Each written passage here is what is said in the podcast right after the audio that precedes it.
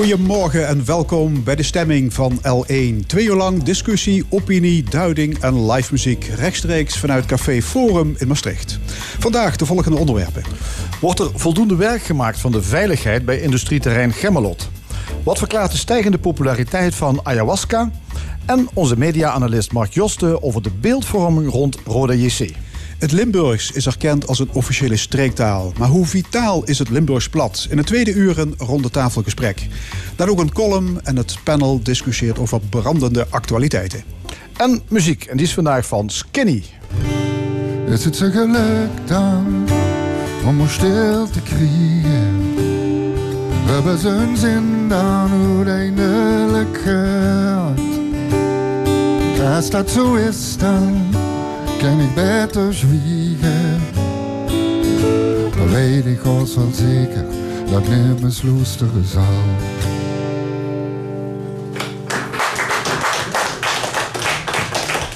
Skinny. Al jaren is er onvrede over de veiligheid in en rondom industrieterrein Gemmelot in Sittard Geleen. Het grootste bedrijventerrein van Limburg.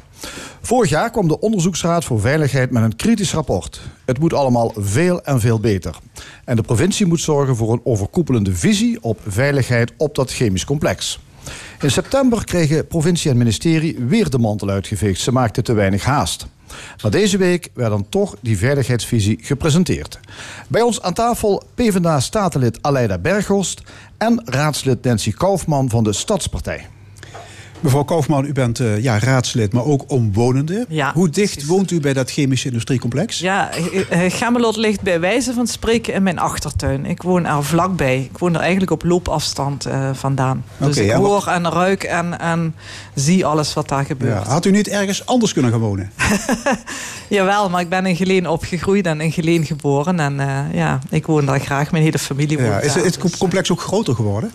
Volgens mij is het complex wel groter geworden. Want ik heb net voor dit programma eens even gekeken... welke fabrieken zich de laatste jaren nog allemaal extra op Gemmelot hebben gevestigd. En dat zijn er heel veel. Ze zijn echt flink uitgebreid. Ja. Sinds een week wordt trouwens een supergrote naftakraken opnieuw opgestart. Eh, hoe groot is de overlast? Groot, moet ik zeggen. Ik, eh, ik kreeg een mailtje van een vriendin die, ehm, die had eh, net een schilderijtje gekregen van de overleden opa. Dat stond tegen een sponning van een raam. En ze stuurde me een filmpje. Dat stond helemaal te klapperen tegen het raam. Dus daar trilden de ramen. Trillingen. Bij mij thuis dan niet. Maar bij mij thuis had ik het gevoel ehm, alsof er constant een, een vliegtuig boven mijn dak hing. dat geluid. trillingen, dat geluidsoverlast. door. Licht, lichtoverlast ook? Ja, licht over overlast heb ik er niet zoveel van. Ik heb uh, rolluiken gelukkig. Daar richt je juist dan ook wel al een beetje op in. Ja. Maar als je in de verte kijkt, zie je gewoon één grote ja, vuurlucht eigenlijk. Alsof er ergens grote brand is. Veel installaties van Sabiek die stammen uit de jaren eh, 60 en 70. Ja. Hè, Sommige zijn dus 50 jaar oud. Maakt dat de kans op calamiteiten groter? Ja, Gemmelot zegt, wij onderhouden onze fabrieken goed. En we ja, houden Gemmelot dat zegt, goed, we, we dat zijn geen roestbakken, zeggen ze. Ja, ze zeggen het zijn geen roestbakken, we houden dat in de gaten. Maar als ik kijk, ik had daar nog willen vragen tijdens die presentatie... hoe groot is het percentage oude fabrieken die er staan? Want ja, eh, ze zullen niet on, veel geld hebben... om al die fabrieken steeds te, in orde te kunnen houden. Ja, want hoe moderner de installatie, hoe minder kans Ja. op, op calamiteiten. Ik Kan ik ga ervan uit dat daar iedereen zijn best doet om het zo veilig mogelijk te houden. Maar ja, eh, die verouderde fabrieken. Aleida Berghorst, u bent lid van Provinciale Staten voor de Partij van de Arbeid. U heeft gevraagd om een overzicht van alle incidenten tussen september vorig jaar en nu. Wat is het resultaat? Nou, het resultaat is dat er een zeventiental eh, incidenten zijn geweest. eh, waarvan eh, wij als overheid niet kunnen zeggen of dat voorkomen had kunnen worden. als we een duidelijke visie op veiligheid hadden gehad. Ja, 17 incidenten in een jaar tijd. Is dat veel of weinig? Ieder incident is volgens mij één incident te veel, zou ik Ja. zeggen. En het varieert van de uitstoot van salpeterzuur, eh etheengas, lekkages, dat soort dingen. Ja, en dan hebben we het nog niet over eh, de overlast die men ervaart van regulier onderhoud. Hè, zo'n, het opstarten van zo'n naftakraker waar overlast eh, eh, door ontstaat, Ja. dat valt niet onder deze incidenten. Dit zijn eh, de incidenten die hier eh, eh, in dat overzicht staan, zijn incidenten die ongepland waren. Ja, en de ergste was op 3 augustus. Ja, Hè, toen kwam er een wolk eh, stikstofoxide vrij. Mevrouw Ja. Koofman, hoe alarmerend was dat? Nou, dat was best alarmerend. Ik liep in de, in de tuin en de sirenes gingen. En het was zaterdag, dus dat klopt al niet. En dan ga je inderdaad, zoals de afspraak is, je ramen en deuren sluiten en uh, de, de radio aanzetten. Maar dat was niet meteen. Uh, nee, dat ging een beetje mis, hebben begrepen. Ja, ja, Dat, duurde, dat duurde vrij lang. En toen er eenmaal bericht was, duurde het ook heel lang voordat het weer aangepast was. Dus ja, ik kan me ook voorstellen dat mensen dan denken: ja, ik hoor niks meer, het zal nou wel goed zijn. Er zijn ook mensen gewoon buiten gebleven. Ja. En, uh, maar dat is ook precies ja. Goed, dat komt omdat L1 als rampenzender gewoon heel slecht wordt geïnformeerd. Of niet wordt geïnformeerd. Of te laat wordt geïnformeerd. Ja, dat, is, later ook toegegeven. dat is precies onderdeel van de, de, de kritiek van de OVV. De OVV zegt, de provincie heeft geen Ja, dat is de Onderzoeksraad voor Veiligheid. Ja, die zegt, er, de provincie heeft geen visie op veiligheid. Op hoe kun je daar nou veilig uh, bedrijfsvoering uh, toestaan. Maar er is het ook een groot probleem in de communicatie. Bijvoorbeeld naar de rampencenter alleen. Ja. Uh, ja, dat rapport van de OVV dat verscheen in 2018. Voorzitter Tjibbe Joustra die zei toen... de provincie zet erg in op groei... maar het denken over de gewenste veiligheid blijft achter. Ja, Mevrouw Berghorst, wat, wat vindt u daarvan als statenlid? Ja, dat vind ik ernstig. En uh, we zijn nu bezig met het maken van een uh, visie op veiligheid. En wij als statenleden moeten uh, gedeputeerde staten behoorlijk achter de broek aan zitten. om daar een beetje tempo mee te maken. En niet voor niets komt de OVV een jaar later met opnieuw een veeg uit de pan van jongens. het kan wel wat sneller. Ja. maar wat ik dan vervolgens constateer. Ja, maar, maar even, Joustra zegt eigenlijk: de provincie vindt groei belangrijker dan veiligheid. Ja. Dat is toch vreemd? De provincie is, is, toch de hoeder van de publieke zaak, zou je zeggen? Ja. Ik heb bij de provincie ingesproken en ook gevraagd van... Wat, wat heeft bij jullie prioriteit? Het geld en de verdiensten of de mensen, de wat, omwonenden wat was het antwoord? die gevaar lopen? Ja, nee, veiligheid uh, boven alles. Maar goed, dat zijn van die, van die sociaal wenselijke antwoorden. Ja, precies. En het is sociaal wenselijk. En als ik dan kijk ja. naar het plan van aanpak... wat ons in, de, in juni is toegestuurd om te komen tot die visie op veiligheid... er staan, staat in dat er vijftal belangen moeten worden afgewogen om vergunningverlening toe te staan. Drie van die vijf belangen gaan over de economische waarde van Gemmelot. Eén van die belangen uh, is het gevoel van veiligheid voor de omwonenden. Een gevoel van veiligheid is subjectief. Ja. En een van de belangen is of er een ziekenhuis in de buurt is. Nou, gelukkig leven we niet in een derde wereldland, dus die kunnen we alvast afvinken. Maar het objectieve veiligheid aspect zit niet in die vijf belangen.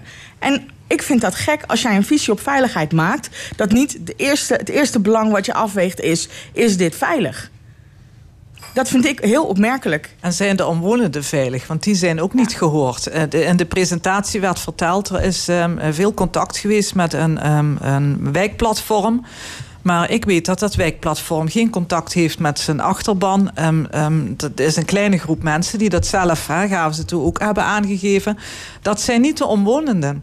Die voelen dus het betrekken van omwonenden bij het opstellen van die veiligheidsvisie, zegt u, dat, dat, was helemaal, dat nee, was helemaal niks. Nee, nee. ik okay. zit ook in een en dat zou wel moeten? Ja, ik zit in een werkgroep Burgermanifest rondom, rondom veiligheid rondom Gemmelot. En uh, ja, die, die voelen zich niet gehoord door Gamelot. Nu is die veiligheidsvisie deze week gepresenteerd. Een van de plannen is om nieuwe panden, hè, bijvoorbeeld een, een peuterspeelzaal... om die niet te bouwen in de buurt van chemische fabrieken, maar iets -hmm. verderop. Goed plan?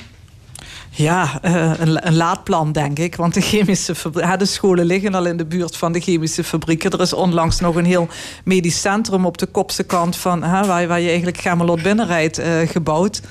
Daar vroeg ik me ook al van af van god, is dit de juiste plek? Moet ja, je het, dan het is zo niet, vanzelfsprekend dat je een peuterspeelzaal niet in de buurt van een naftakraker bouwt. En ik denk, ja, is, hoe revolutionair ja. is ja, dat? maar Lindenheuvel ligt dat... in de buurt. Dus ha, van die naftakraker, als daar iets knalt, ja, dan knalt het goed. Het is een dichtbevolkt gebied natuurlijk, hè? Hoeveel Wat mensen wonen daar? 8000. In de wijk Lindenheuvel wonen 8000 Ja, de omwonenden zijn er 70.000 zelf. 70.000 ja, dan mensen. heb ik Beekstein, uh, Geleen, die allemaal effecten zullen ondervinden als daar iets ontploft. Ja, maar jullie waren deze week bij die mondelijke presentatie in Ja. het gouvernement. Uh, het, het stuk zelf is nog niet beschikbaar. Het stuk zelf is helemaal niet klaar. Nee. Wat wij daar kregen was uh, de kans om als staatsleden en raadsleden een mening te geven over een rudimentaire ambtelijke notitie. Dat was wat wij daar gingen doen. En uh, de week daarvoor is die klankbordgroep uit, uh, uit Lindenheuvel... heeft hetzelfde mogen doen. En, en daarin zie je dus waar het fout gaat. Als statenleden uh, drukken wij op dit dossier... omdat wij het belangrijk vinden dat economie en veiligheid goed geborgd zijn. En vervolgens trek ik de conclusie dat ons toezeggingen worden gedaan over een visie op veiligheid, die niet waargemaakt kunnen worden. De Nu, provincie voelde zich verplicht, als het ware, om met iets te komen. Ik denk door alle reacties en door alle vragen die ze krijgen, moeten ze wel. Ja. Maar het, eh, hè, ik, eh, vond jij dat we echt een mening mochten geven? We mochten een hoop vragen stellen. Waar mochten een wat, hoop eh, vragen stellen, algemene antwoorden op kwamen. ja, we mochten een hoop vragen stellen. En eh, eh, het, het algemene antwoord was: goed punt, nemen we mee. Ja. Of de vraag werd zo verbouwd dat niemand meer begreep waar de vraag over ging.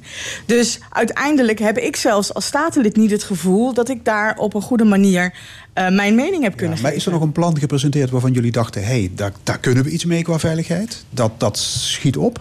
Ik denk dat de basis die gepresenteerd is eh, een stap vooruit is. Ik denk dat het heel goed is dat eh Gemmelot zelf daar ook heeft toegelicht wat zij allemaal doen om de veiligheid te verbeteren. Want uiteindelijk is dat natuurlijk nodig om het ook echt te verbeteren. Maar ik heb in wat er nu gepresenteerd is ook een boel dingen gezien waarvan ik denk, nou dat lijkt mij nou bij uitstek zeer onverstandig. Bijvoorbeeld die vestigingsadviescommissie, waar nu van wordt gezegd dat is heel goed, want daar maakt het, maakt het allemaal extra veilig, want het is bovenwettelijk. Dus wij hoeven dit niet te doen, maar we doen dit toch om er maar een extra stap te zetten in de richting van veiligheid. A, denk ik niet dat het daar veiliger van wordt. Want als ik kijk wie er in die commissie zit, dan zitten daar alle overheden in en Gemmelot zelf. Weet je, als je een huis gaat bouwen en je hebt een plan gemaakt, dan zit, er ook, zit je ook niet zelf in de welstandscommissie die je eigen plan beoordeelt. Dus de slager die zijn eigen vlees. Absoluut, 100%. En dat, dat is niet oké. Een vestigingsadviescommissie is een prima idee, maar zet daar dan onafhankelijke experts in die weten waar ze het over hebben. Ja, nu is eh, de provincie vergunningverlener, toezichthouder, financier van, van Gemmelot, althans van de, van de campus. Is dat wenselijk, die, die drie dubbele Ja, ik petten? vind, ik vind dat zelf Mevrouw lastig. Er, er, er spelen zo ontzettend veel belangen. En er zijn zoveel instanties die hier tussen zitten en zich hiermee bezighouden. De RID, de Veiligheids, de, de ha- eh, Raad voor de Veiligheid, eh, de gemeentes, eh, de provincie. En de provincie dan ook nog met aandelen en, en dergelijke. Ja, ik vind dat moeilijk. Dan Ja, denk ik, Robert maar, Horst, wat, wat vindt u? Ja, op zich, op zich is dit voor de provincie niet een ongebruikelijke situatie. Het is eigenlijk bij alles wat de provincie do- doet zo dat we een dubbele pet op hebben. Eh, de vraag is wel, eh, je moet ervoor zorgen dat de dubbele petten niet allemaal op het hoofd van één bestuurder rusten. Dus je moet te- zorgen dat die verschillende petten bij verschillende bestuurders liggen. En je moet uiteindelijk zorgen voor een goed kader op basis waarvan een, een, een goede afweging gemaakt kan worden. En dat ontbreekt op dit moment. En dat is een ernstige zaak. Want als er nu een vergunning wordt aangevraagd, kan ik het niet voorspellen welke gedeputeerde aan het langste eind trekt. Nu deed eh, die onderzoeksraad voor veiligheid de aansporing om meer te doen dan, dan wettelijk nodig is. Hè? Dus je niet alleen aan de regeltjes houden, maar eigenlijk zoveel mogelijk uit de kast halen qua veiligheid. Gebeurt dat nu? Wat, Ja. wat denken jullie sinds die presentatie? Ik had het gevoel na die presentatie dat, dat Gemmelot intern wel stevig hè, daarop inzet en mee bezig is. Maar er is een verschil tussen interne en externe veiligheid. En ehm, ja, richting de omwonenden, waar, waar ik dan vooral voor sta, eh, mis ik nog wel het een en ander. Ja, bijvoorbeeld, ze hadden het over eh, het logistiek, de logistieke veiligheid. Hè? Hoe kom je weg als daar iets gebeurt? Ja, dat is, daar is nog geen plan voor. Dat zijn ze nog aan het maken. En ik denk dat had er al lang moeten zijn. Ja, kortom, er is nog veel werk in de winkel. Ja. Maar, maar de ambitie van Gemmelot is om in 2025 de veiligste en duurzaamste chemie-site van Europa te worden. Ja, Ja. nou en ja, de meest competitieve staat er ook in. Ja. maar Ja. ook de veiligste. Ja.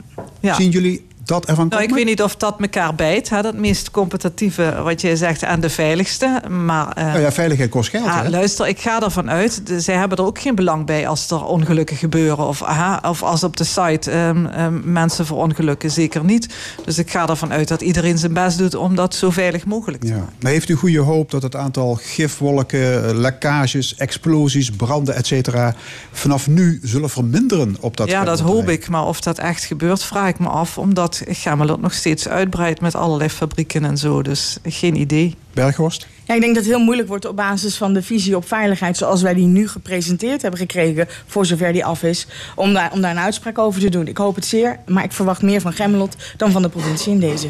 Zijn jullie niet bang dat die 80 bedrijven op Gemmelot of een deel daarvan zal vertrekken? Omdat ze ja, een buik vol hebben van alle gedoe over die veiligheid. Dat ze zeggen, bekijk het maar, we vertrekken.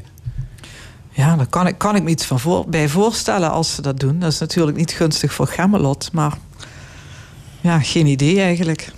U blijft er voorlopig wonen? Ik blijf, ja, ik blijf er. Ik ben alleenstaand. Ik, ik kan niet zomaar heel makkelijk mijn huis verkopen en uh, ergens anders gaan wonen. Kijk, het is natuurlijk het argument waar altijd mee gespart wordt. Welk economisch, uh, economisch dossier je ook pakt. Of het nou het vliegveld is, of Gemmelot, of welk andere uh, dossier dan ook.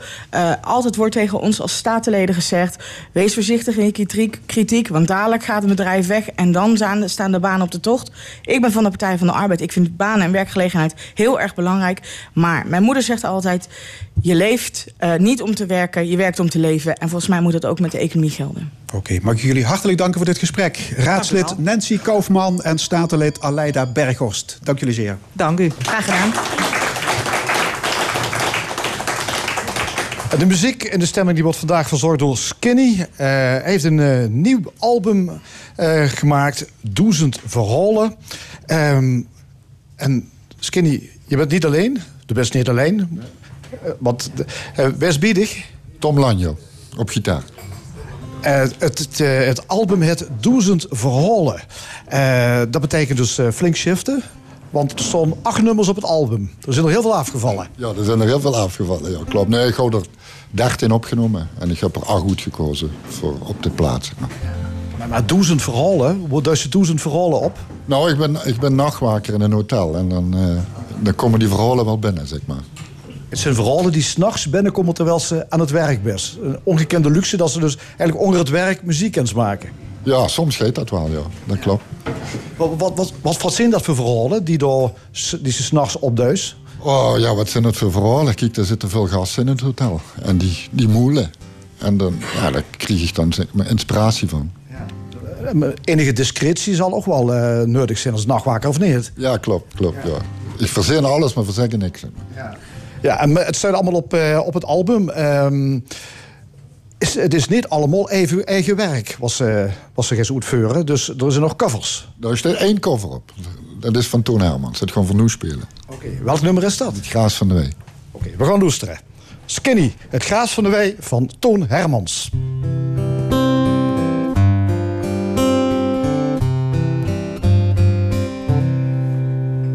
In het graas van de wee over. En het gras was zo wel, en het veld was zo wit. En schoon waar het weg, en zag zong de wind. En ik houd ik zo gek, leef kind.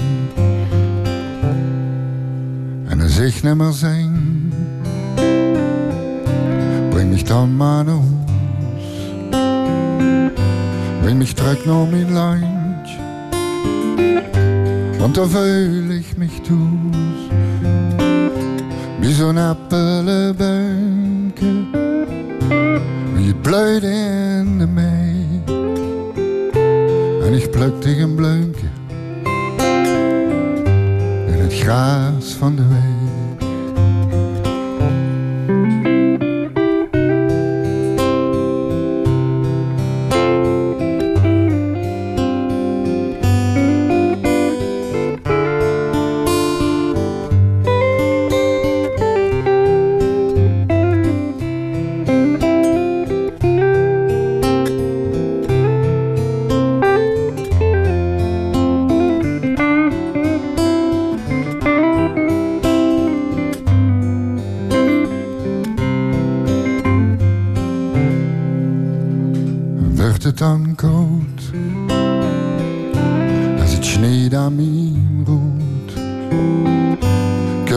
Laatste couplet. En mijn leedje zoet. Dan lig op het veld. De sneeuwwitte sprei. En dan leg ik mich neer. In het gras van de wei. Dan leg ik mich neer gras van de wei.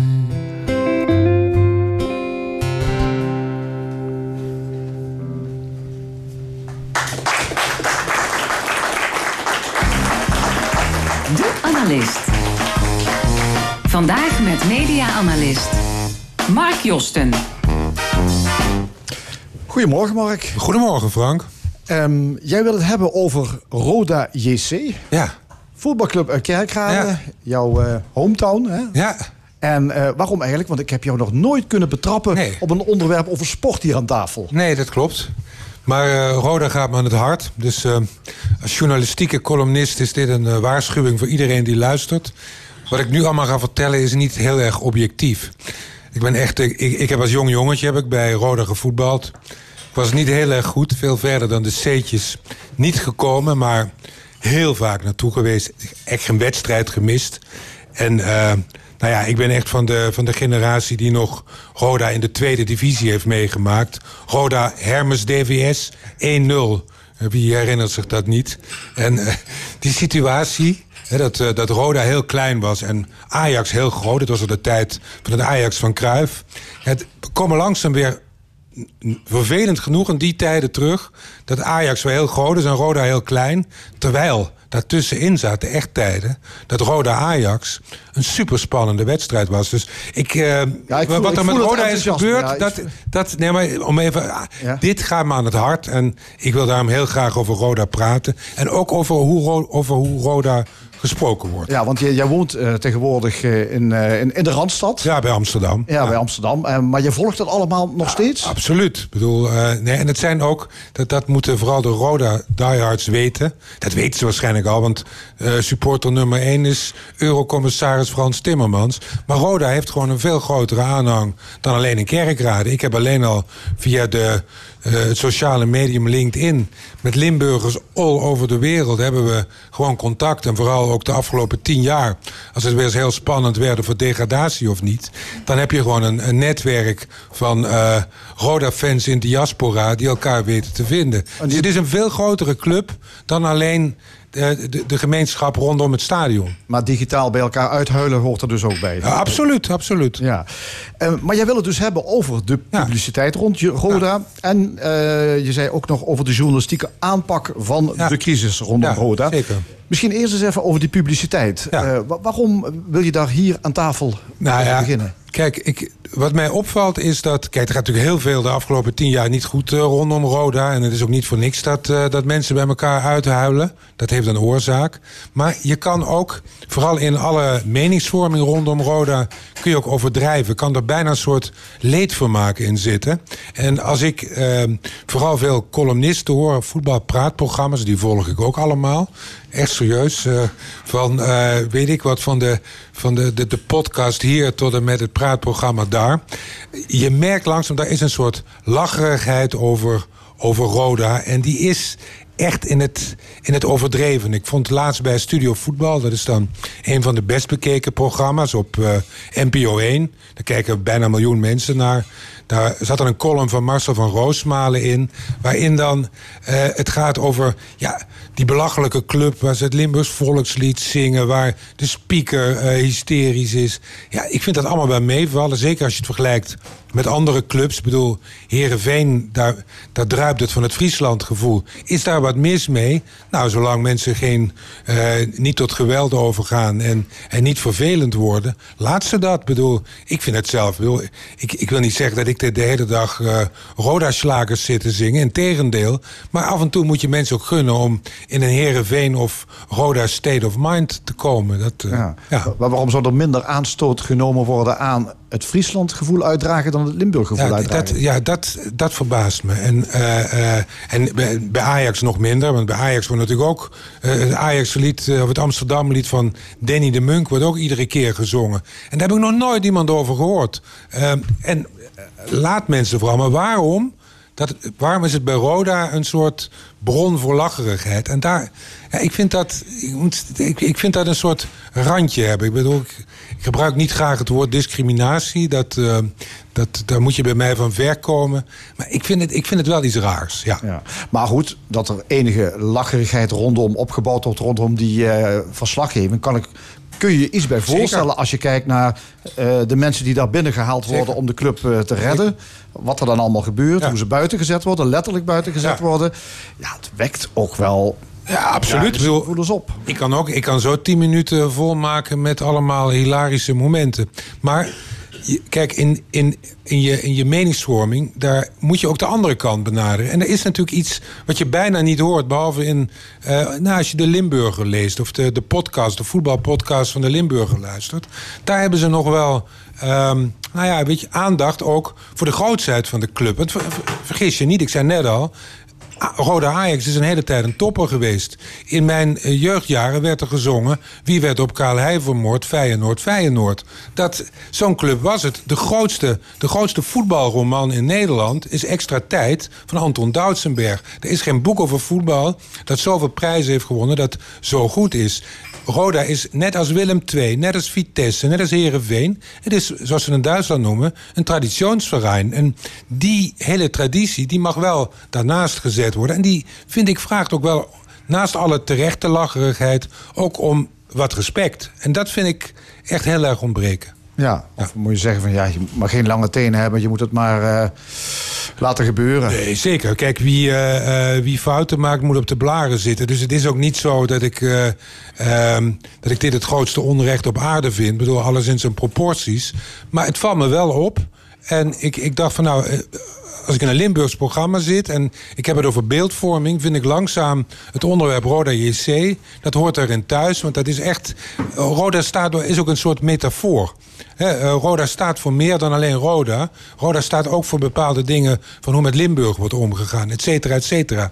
En die kant van de zaak, daar mogen we wel serieus op zijn. Dat hoeft niet lange tenerig te zijn, maar wel analytisch kijken van wat is hier aan de hand.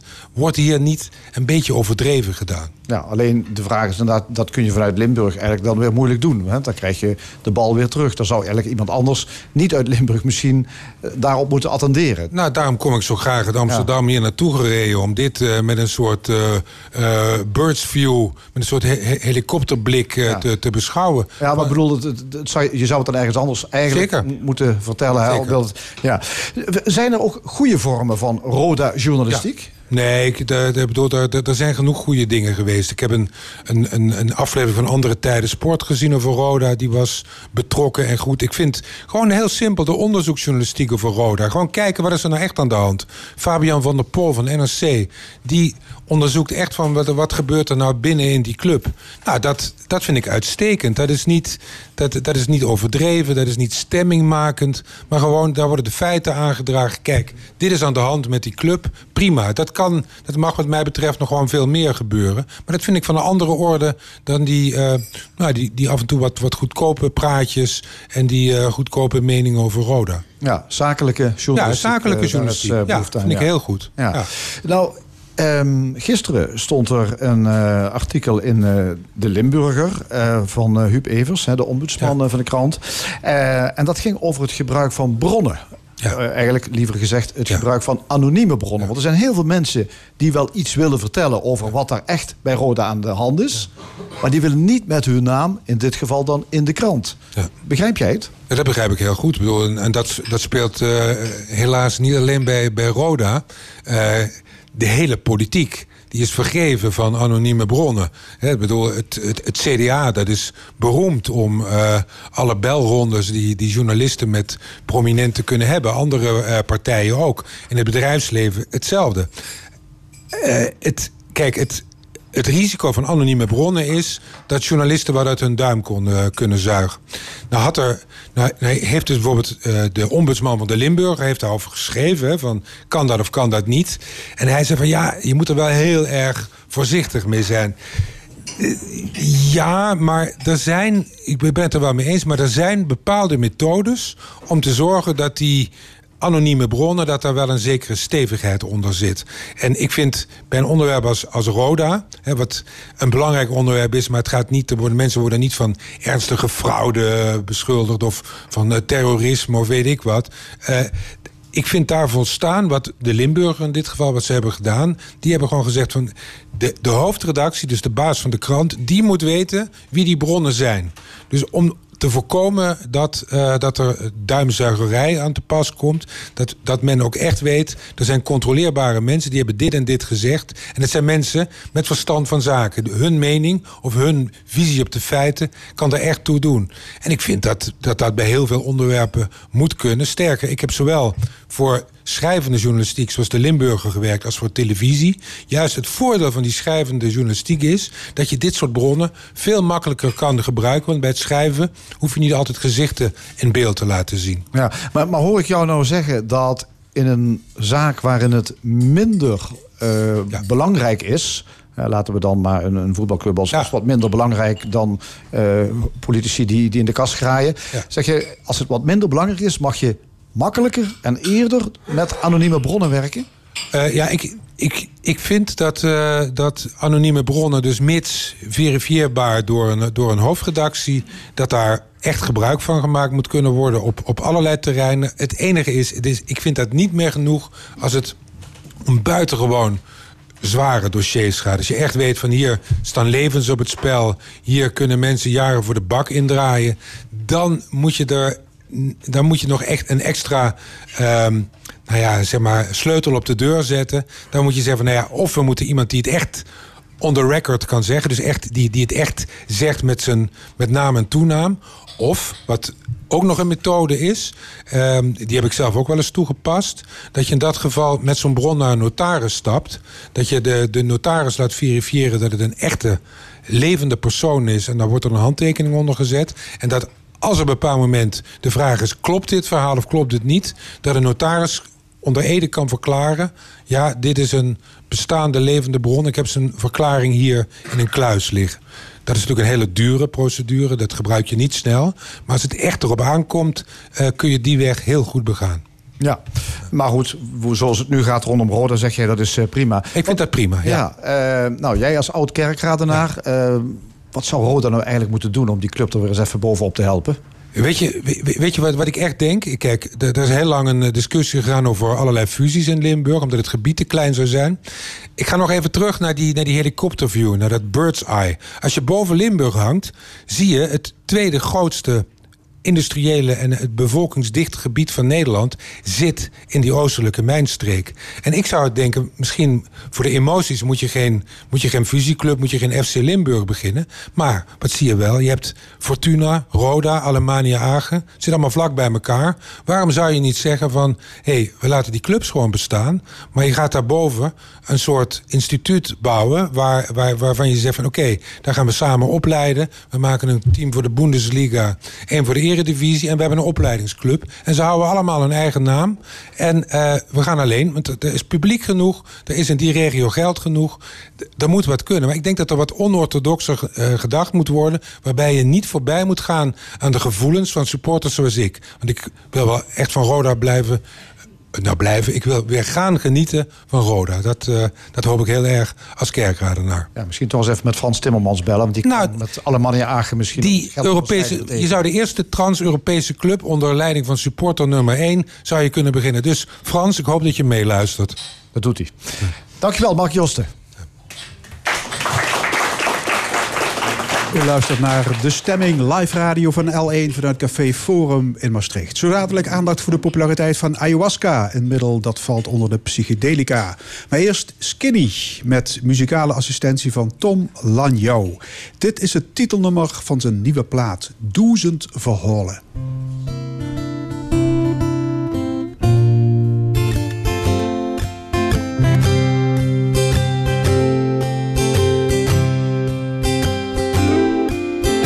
Lange gang, leeg buffet.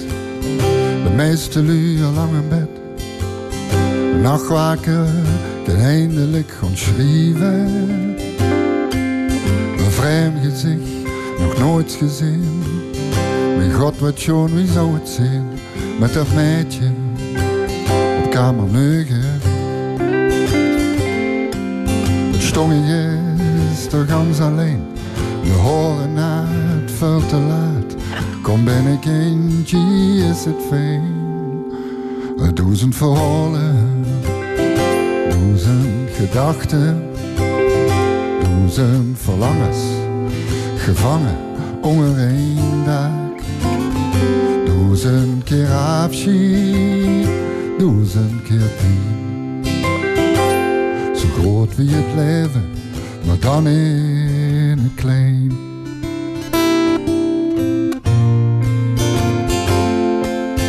Kog is kort, hij knotert get. Verkeerd bestek leeg opgedekt. Zilverjong, dat is voor iets met eten. Receptionisten aan de telefoon. En een rood gezicht, wat moet ik doen? Chinees, ik waren nooit zo goed in talen. Maar welke taal de gas ook spreekt? Chinees of Spaans, Japans of Grieks. Bien sûr, monsieur, is wat ik zeg. Duizend verhalen, duizend gedachten, duizend verlangens. Gevangen onder één dak. Duizend keer afschied, duizend keer pijn. Zo groot wie het leven, maar dan in het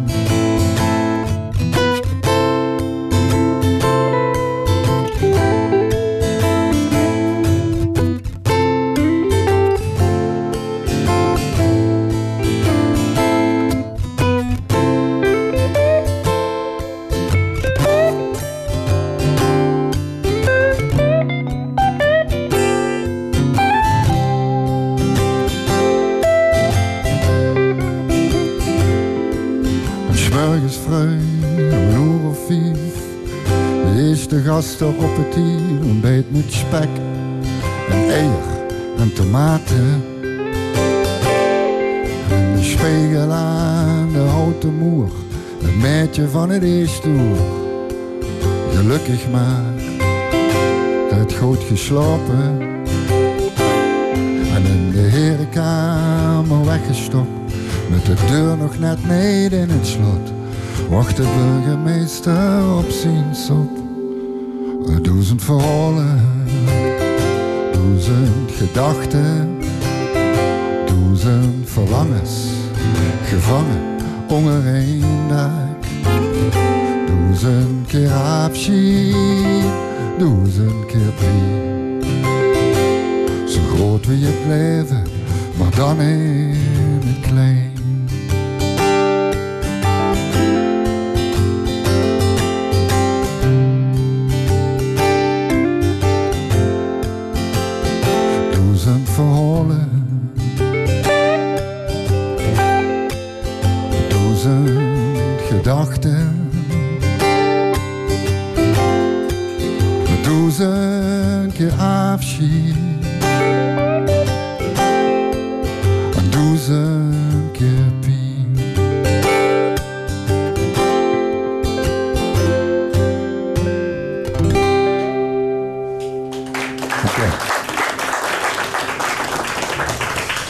Invoer, gebruik en bezit van ayahuasca blijft verboden. Dat heeft de Hoge Raad onlangs bepaald. Ayahuasca is een mix van twee soorten thee uit het Amazonegebied en het valt onder de psychedelica. In Nederland neemt het aantal gebruikers van dit middel toe. Ayahuasca-ceremonies worden steeds populairder. Hoe komt dat? Wat is het effect van dit middel en zijn er risico's aan verbonden? We gaan erover praten met Kim van Oorsouw, psycholoog en onderzoeker aan de Universiteit Maastricht, en Govert Derks, filosoof en ervaringsdeskundige. Ja, goedemorgen allebei. Eh Govert, jouw eerste boek ging over ayahuasca. Wat is het precies? Nou, het mooie is, ik, ik zat net naar dat eh, mooie liedje te luisteren, Duizend Verhalen, Duizend Verhalen, Duizend Verlangens. En ik kreeg tranen in mijn ogen, omdat ik zoiets had van, ayahuasca gaat over duizend verhalen. Het gaat over misschien wel miljoenen verhalen. Toen ik eh, ayahuasca zelf in de, in, 19, in, eh, in de jaren 90 leerde kennen en daar onderzoek naar ben gaan, doen in Zuid, gaan doen in Zuid-Amerika, met name in Brazilië, hoor je gewoon heel erg veel verhalen van mensen die door ayahuasca zichzelf genezen van verslavingen. Ja, maar dan heb je het meer over de Er uitwerking. Wat, wat is het precies voor een... nou ja, het is, het is dus een thee die eh, gebrouwen wordt uit twee substanties. Er zijn heel veel varianten, maar de kern is dat het gaat om de, een liaan waar eh, eh, een bepaalde stof in zit, harmaline, die helpt. Dat is een andere stof van een andere plant, namelijk eh dimethyltryptamine, DMT. wat dus helaas op die gekke lijst staat, dat dat zeg maar getransporteerd wordt naar de hersenen, waardoor je een effect, wat je als je dat zou roken, normaal gesproken alleen maar 10 minuten, 15 minuten hebt, urenlang kan aanhouden. Ja, en die dus dat is, dat is wat ayahuasca tijdens ceremonies. Nou, dat wordt al sinds mensenheugenis uh, door Indianen in het Amazonegebied ja. gebruikt. Met name Brazilië, Peru. Dat ja, eh, met name het westelijke Amazonegebied, dus dat is Peru, Bolivia, eh, Brazilië. En het is daar voor de shamanen, dus zeg maar voor de, voor de, uh, de, de geneesheren uh, en voor de wijzen van, van, van stammen, is het het belangrijkste middel om te communiceren met, uh, met boven. Ja, is het verslavend? Het is niet verslavend, dat is ook bewezen. Het is ja. gewoon absoluut niet verslavend. Hoe kwam je ermee in aanraking? Ik ben er heel toevallig mee aanraking gekomen omdat ik uh, in uh, 1990 op straat in Fortaleza, toen was ik nog een frisse twintiger, iemand tegenkwam die zei: Ik heb iets ontdekt wat mijn leven helemaal heeft veranderd. Een thee, en dat wordt in een ceremonie gedronken, één keer in de twee weken. En ik had toen meteen zoiets, en ik had helemaal niks met drugs of zo. Dat wil ik leren kennen. Ik kreeg toen een intakegesprek bij een psychiater, wat ook veelzeggend is. Er zit een hele structuur omheen van. Mijn zoon heeft wel eens gezegd van checks en balances, om ervoor te zorgen dat er geen gekke dingen gebeuren. In die structuur heb ik toen voor de eerste keer meegemaakt. En ik was toen een tamelijk cynische atheïstisch filosoof. En dat heeft mij totaal veranderd. Ja. Dat begon met... Kosmische, kosmische ja? bliksemschicht, heb je wel eens gezien? ik heb dat wel eens... Ja, precies. Dat ik inderdaad, als het ware, een totale reset van mijn brein meemaakte. En een paar uur later bijkwam en zoiets had van... wow, dit zouden eigenlijk... Uh, meer filosofen moeten meemaken. Ja. Hoe belangrijk is, is het dat je dat gezamenlijk doet en onder leiding van een, ja, een deskundige ceremoniemeester? Uh, dat is uh, A belangrijk omdat het uh, je leert om ervaringen te delen. Want het is heel erg belangrijk om het er daarna met inderdaad mensen over te kunnen hebben. In plaats van dat je daar in je eentje mee, mee zit, zeg maar. maar het is ook belangrijk omdat ayahuasca op een of andere manier een appel doet, althans in mijn ervaring, aan een soort diepere moraliteit die te maken heeft met hoe willen wij samenleven. En het mooie is dus ook dat je in Brazilië en op andere plaatsen ziet dat ayahuasca helpt om gemeenschappen te creëren. Dus daar waar bepaalde drugs, zeg maar, wordt wel gezegd, ondermijnen, zou je kunnen zeggen dat dit middel, is dus wat mij betreft geen drug, maar eerder een antimiddel, bijdraagt aan een soort uh, gemeenschapsvorming. Ja, maar het is een trip, hè? je krijgt uh, visioenen en, en daar wordt je een soort spiegel voor gehouden. Het mooie is inderdaad dat je daar waar andere middelen... Ik heb in de tijd toen ik mijn boek schreef natuurlijk iets van... ik noem het wel eens vergelijkend ware onderzoek gedaan... met wat andere middelen. Daar waar je met andere middelen een soort film terechtkomt waarvan je af en toe zoiets hebt van ja, ben ik dit wel? Heb je met ayahuasca echt het gevoel van dat je een ontmoeting hebt met jezelf en in een, in een spiegel kijkt. Een defect, en dat is wel interessant, is dat uh, het, het, vaak begint met, met heftige turbulenties en met hallucinogene uh, visioenen en kleuren. En ik zeg wel eens, je wordt naar de andere kant van de kosmos gecatapulteerd. En vervolgens kom je vaak in een wat rustigere staat, waarin je ook heel creatief kunt nadenken, helder bent, zelfs een wandeling kunt maken, een gesprek kunt voeren. En dat is het interessante bij veel van die, van die sessies. Dat je dus ook daarna eh, onder begeleiding van, van deskundigen kunt praten over de diepere eh, dingen van het leven. En dat je komt in een andere werkelijkheid. En je sommigen, zeggen, sommigen zeggen de werkelijkheid. Nou, er zijn mensen die zeggen van uh, je wordt wakker. ja. Het is, een, het is erna, dat er is naast slapen en waken een derde toestand. En dat is de toestand onder invloed van van ayahuasca. Dus daar zit een spirituele kant aan? aan nou, de, vraag is natuurlijk, de filosofische vraag is natuurlijk van... werkt het brein daarbij als een soort ontvanger... die helemaal in één keer wordt opengezet? Dus dat je inderdaad een soort doorgeefluik bent van iets hogers? Of is het gewoon een biochemische, uh, waanzinnige uh, trip... waarvan we eigenlijk het geheim nog lang niet hebben ontdekt? Ja. Kim van Oorsouw, je bent uh, wetenschapper. je doet onderzoek naar de effecten van deze hallucinogene thee. Is het heilzaam voor bepaalde klachten? Ja, ons onderzoek laat zien dat, uh, dat er wel effecten zijn op onder andere stressklachten, depressie, mindfulness, uh, levenskwaliteit. Dus je, zien, je ziet uh, mensen die ayahuasca drinken, dat die daarop verbeteren. Dus je hebt in jouw lab aan de universiteit proefpersonen binnengehaald, allemaal die thee laten drinken en toen de effecten gemeten? Of nee, het zijn allemaal veldstudies. Dus het zijn mensen die uit eigen beweging vrijwillig ergens ayahuasca drinken in een ceremoniecentrum. En wij zijn daar gaan observeren en we hebben mensen voor de ceremonie vragenlijsten gegeven daarna. En dan nog op de lange termijn, dat was één tot twee maanden later. Dus we hebben ja, niet in het lab... Werkt het voor de korte termijn of ook voor de lange termijn? Ook voor de lange termijn, ja. ja, je ziet een lange termijn afname, althans, hè, zover wij gemeten hebben. Dat is één tot twee maanden na de ceremonie. Uh, we zijn nu bezig met nog langere termijn uh, check-ups... of mensen nog steeds uh, verbeteren op stress en depressie. Dus de, de medicinale werking van ayahuasca... dat staat wat jou betreft als wetenschapper als een paal boven water? Nou ja, uh, dit zijn dus veldstudies. Hè. We hebben een studie gedaan met gezonde mensen... of mensen zoals jij en ik... die uh, op zoek zijn naar bewustwording... of een reductie van stress. Op, um, daarna heb ik ook nog een uh, studie gedaan met depressieve patiënten... die niet reageren op conventionele behandelingen. Maar dat zijn allemaal observationele studies. Dus er is nog geen goede controlegroep. Er is nog geen placebo-controle. ja, maar de eerste resultaten zijn... Wat bij jou de eerste resultaten zijn zeker veel, veelbelovend. Ja. En dat komt omdat dit net als LSD en paddo's en mescaline... Uh, nieuwe verbindingen aanmaakt in de hersenen. Heb ik dat goed begrepen? Uh, ja, er is onderzoek dat laat zien dat er een toename is van activiteit in het brein. Hè. We gebruiken eigenlijk maar een heel klein deel van onze hersenen. En je ziet dat door die ayahuasca een zeer groot uh, activatietoename is. En dat gaat dan over gebieden zoals geheugencentrum, emotiecentrum en je actiecentrum. En uh, er wordt ook wel uh, gezien dat er nieuwe verbindingen uh, ontstaan tussen bepaalde communicatiegebieden. En um, de effecten van de ayahuasca, zoals we die dus observeren... en als we dat koppelen aan wat je ziet in de hersenactiviteit... dan maakt dat dus dat op het moment dat je vasthangt in een bepaalde tunnelvisie... of een patroon of een ervaring waardoor jij angstig of depressief wordt... dat die als het ware een andere route wordt aangelegd in het brein. Dus ja, er zijn allerlei theorieën over hoe dat dan kan. Maar als je puur kijkt naar de verhalen en de hersenactiviteit... dan uh, ontstaan daar nieuwe uh, associaties... waardoor mensen eigenlijk hun leven op een andere manier gaan bekijken. En dat heeft natuurlijk ook te maken met die visioenen waar uh, Govert het zojuist ja. over had. Govert, je hebt het eens verteld van iemand die, die kon niet meer ruiken. Precies. En, die en door het gebruik van ayahuasca kreeg hij zijn ja. reukvermogen weer terug. Ja, ik, ik, uh, toen ik hier naartoe liep, uh, had ik iets heel anders. Toen ik in 2004 mijn boek over ayahuasca bij de arbeiderspers... en tegelijkertijd in Duitsland uitkwam... had ik daarna een ontmoeting in Brazilië met een, een meester... Een, die, waar ik later ook bevriend mee ben geraakt. Meester Miguel, dat was degene die ayahuasca vanuit de Amazone... naar het noordoosten van Brazilië heeft gebracht.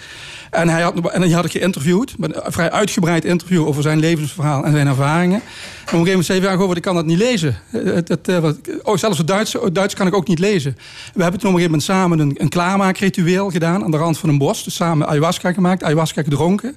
En toen heb ik hem op een gegeven moment dat verhaal, zijn verhaal, dat waren iets van 15 pagina's, vanuit het Duits rechtstreeks in het Portugees vertaald onder invloed van ayahuasca. Dat, en ik, ik, keek naar mijzelf alsof ik een soort vertaalmachine was. Ik, bedoel, ik ben beide talen wel min of meer machtig, maar om dat één op één gewoon te ja, vertalen. Het, het, is gewoon een wondermiddel. Het was een, ik had op dat moment precies ja. dat, dat, gevoel. Maar Kim, gaan we nog meemaken dat er dokters zijn die, gaan voorschrijven, die geen antidepressiva voorschrijven, maar ayahuasca?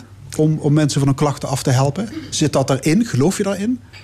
Uh, op dit moment zijn we daar nog lang niet. Hè, want daarvoor zijn dus die klinische trials nodig. Daarvoor moet er een vorm van ayahuasca geproduceerd worden die uh, homogeen is. Hè, dat we die dus kunnen toedienen aan, aan patiënten. Um, ja, dat, dat, dat is nog een uh, ver van mijn bedshow, zeg ik altijd. Maar het, het is zeker als je ziet dat de mensen die deelnemen aan ons onderzoek... Uh, die niet reageren op vijf verschillende antidepressiva... allerlei cognitieve gedragstherapieën... en dan door ayahuasca en plotsklaps genezen ja. van een depressie... dan denk ik dat het zeker potentie heeft om ernaar te kijken... wat de mogelijkheden zijn. Ja, maar wordt ook ontdekt, hè? als je bijvoorbeeld in, in Silicon Valley ziet... waar mensen het gebruiken in microdosis om meer creatief te zijn. Bij Google en Facebook. Dus er gebeuren op dit moment ja. in, op dat vlak heel veel ja, dingen. Ayahuasca is van de Indianen in het Amazonegebied. Hè. Het heeft een spirituele dimensie, zei er straks. Het, het raakt aan, de, aan het shamanisme. Kun je daar onze westerse wetenschap wel op loslaten? Is ons instrumentarium daar wel überhaupt voor geschikt? Begrijp je de bedoeling? Ja, zeker. Ik begrijp helemaal wat je bedoelt. We doen ons best. Hè. Kijk, de, de vragenlijsten die wij gebruiken... gaat onder andere over mystieke ervaringen... bewustzijnsveranderende toestanden. Dat is wat we meten met vra subjectieve vragenlijst. Hè. Dus bijvoorbeeld uh, het gevoel dat je uit je lichaam gaat... of één wordt met een groter geheel. En daarnaast hebben we natuurlijk de, de gedragsmaten. Hè? Dus stress, depressie, angstklachten bijvoorbeeld die iemand rapporteert. Maar we zien dus eigenlijk dat dat hele effect ge, gemodereerd wordt... door die, die psychedelische ervaring. Dus die veranderde bewustzijnstoestand is eigenlijk een voorspeller... voor de uitkomsten van uh, de gedragseffecten.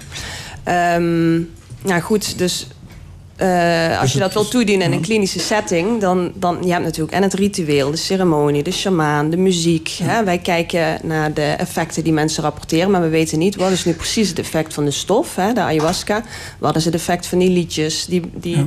die mooie veilige setting die gecreëerd wordt. Dus Dat moet nog allemaal onderzocht worden. Door dat Ja. weg te halen en te kijken wat er dan overblijft. Het mooie zelf dat het- dat complexe samenspel zelf wordt door Indianen en andere deskundigen in Amazone als zodanig gezien als een wetenschap. Ayahuasca zelf is een universiteit die staat voor een bepaalde wetenschap. En het zou interessant zijn als je zeg maar de Westerse universiteit en de universiteit eh, van ayahuasca op een of andere manier bij elkaar zou kunnen brengen.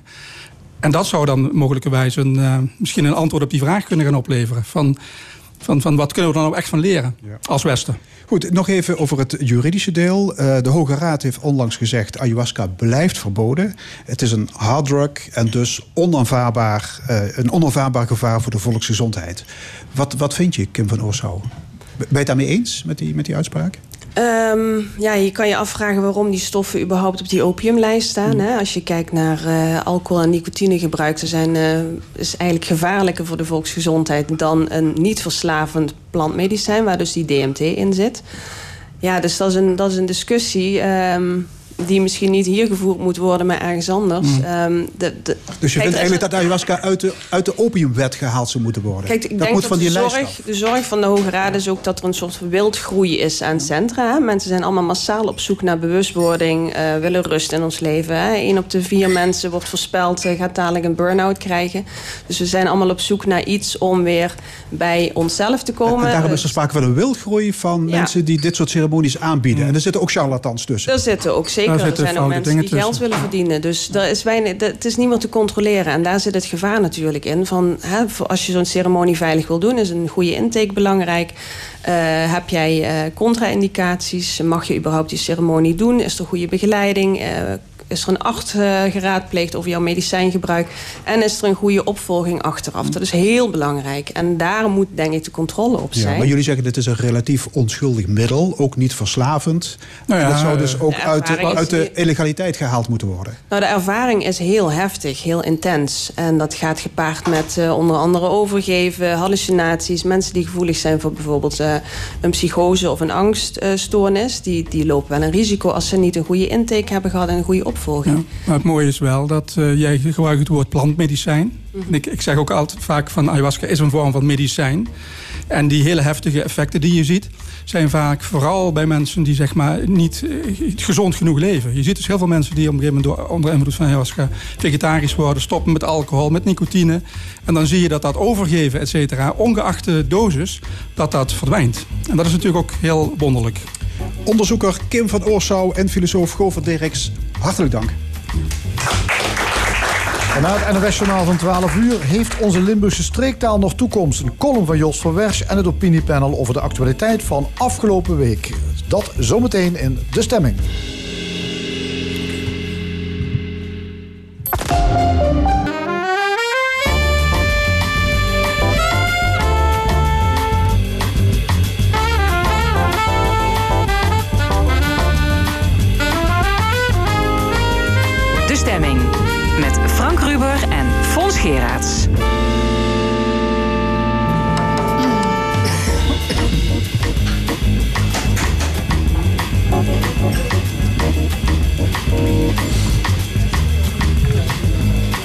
Wat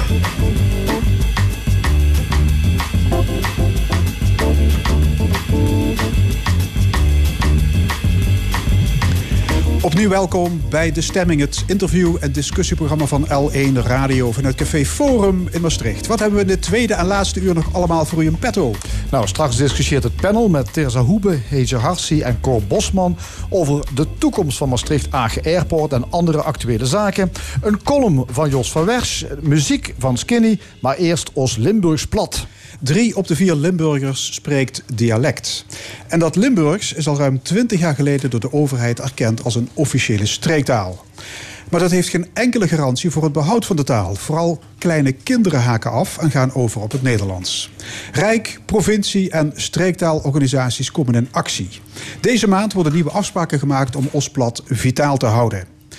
Aan tafel Christine van Basten, voorzitter van Veldeke Limburg. Beb Merkelsberg, secretaris van Levende Talen Limburgs. En streektaalfunctionaris Ton van de Wijngaard. Welkom, alle drie. Eh, drie op de vier Limburgers spreken Limburgs. Is dat wetenschappelijk onderbouwd of denken we dat? Ja, dat is wetenschappelijk onderbouwd. In 2016 is er onderzoek nog gedaan.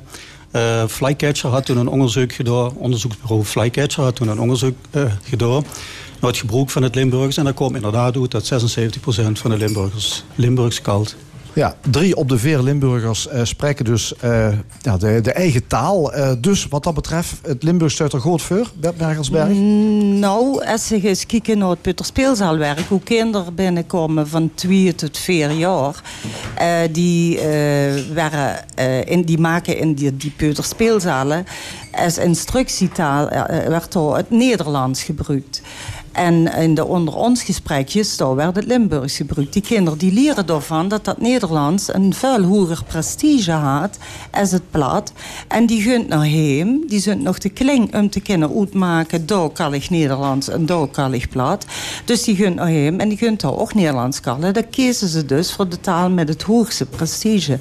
En dat zijn dus de jongste kinderen. Dat verandert dan nog nooit meer, want hem, de ouders kallen gewoon in het Nederlands terug. En uh, dan, wanneer dat zo doorgaat, komen er dus geen nu-sprekers meer bij. Daarbij, uh, als lui van buiten Limburg hier komen wonen, is er geen enkele gelegenheid om die taal als L2-taal, als tweede moedertaal, te leren. Dat zou, er, dat zou gemaakt moeten worden. Dus, dus kinder, klein kinderhokken af, er komen geen nieuwe sprekers bij. Ja. Uh, dat betekent, Christine van Basten van Veldeke, dat het binnen één, twee generaties wel eens afgelopen zou kunnen zien. Ja, die vanzelfsprekendheid wat nu, op dit moment nog geldt voor het, uh, voor het Limburgs. Ja, of dat uh, over twintig jaar nog zo is, dat, uh, dat weet inderdaad ook niet. Ik denk dat we met z'n allen ons goed bij moeten pakken en, en serieus werk ervan moeten maken om in elk geval te zorgen dat die kinderen, ik denk dat het een hele belangrijke doelgroep is, om te zorgen dat die het, het plat waar blijven kallen. Ja, en wat, wat is er de, wat zou Vloed Veldeke, wat, wat zou er aan bijgedragen kunnen worden om te voorkomen dat dat Limburgs verdwijnt? Nou, dat kennen we Nederlands Veldeke alleen. Dat uh, moeten we doen met, uh, met alle partners in het streektaalveld. En ik denk dat bijvoorbeeld ook het feit dat volgende week het convenant wordt getekend, hoe ze straks vast en zeker nog over wil scallen, dat er daar een heel groot signaal van uitgaat. Dat ook de, de overheden, dus de provincie en het Rijk, dat die echt het ook willen laten zien dat ze het belangrijk vinden dat het Limburgs of de regionale streektaal voor, het, voor de toekomstige generatie generaties wilt behouden. Maar hoe, hoe zou ze op moeten inzetten? Want ik hoorde net de, de, ja, de Peuterspeelzaal. Dat, dat op heel veel verschillende fronten. De Peuterspeelzaal zeker. Uh, ik denk dat het vooral meer in algemene zin gaat om het normaliseren van beleid. Dat het gewoon normaal is om, uh, om uh, plat te kallen. En dat ze als ouders misschien ook een beetje stug moest volhouden als die de peuter terugkomt van, van de Peuterspeelzaal. Nou ja, dan laten maar holisch kallen. Maar blijf in elk geval dan zelf stug dialect terugkallen. En dan op een gegeven moment, dan, op het moment dat dat ze een leeftijd hebben, maar daar weet Beb was een zeker veel meer van stappen ze vanzelf ook wel weer over op dat ja, dialect. Maar, maar zou, zou, dat dialect, uh, streektaal, zou dat een reguliere plek moeten krijgen in het onderwijs? Ton van de Wijn gaat.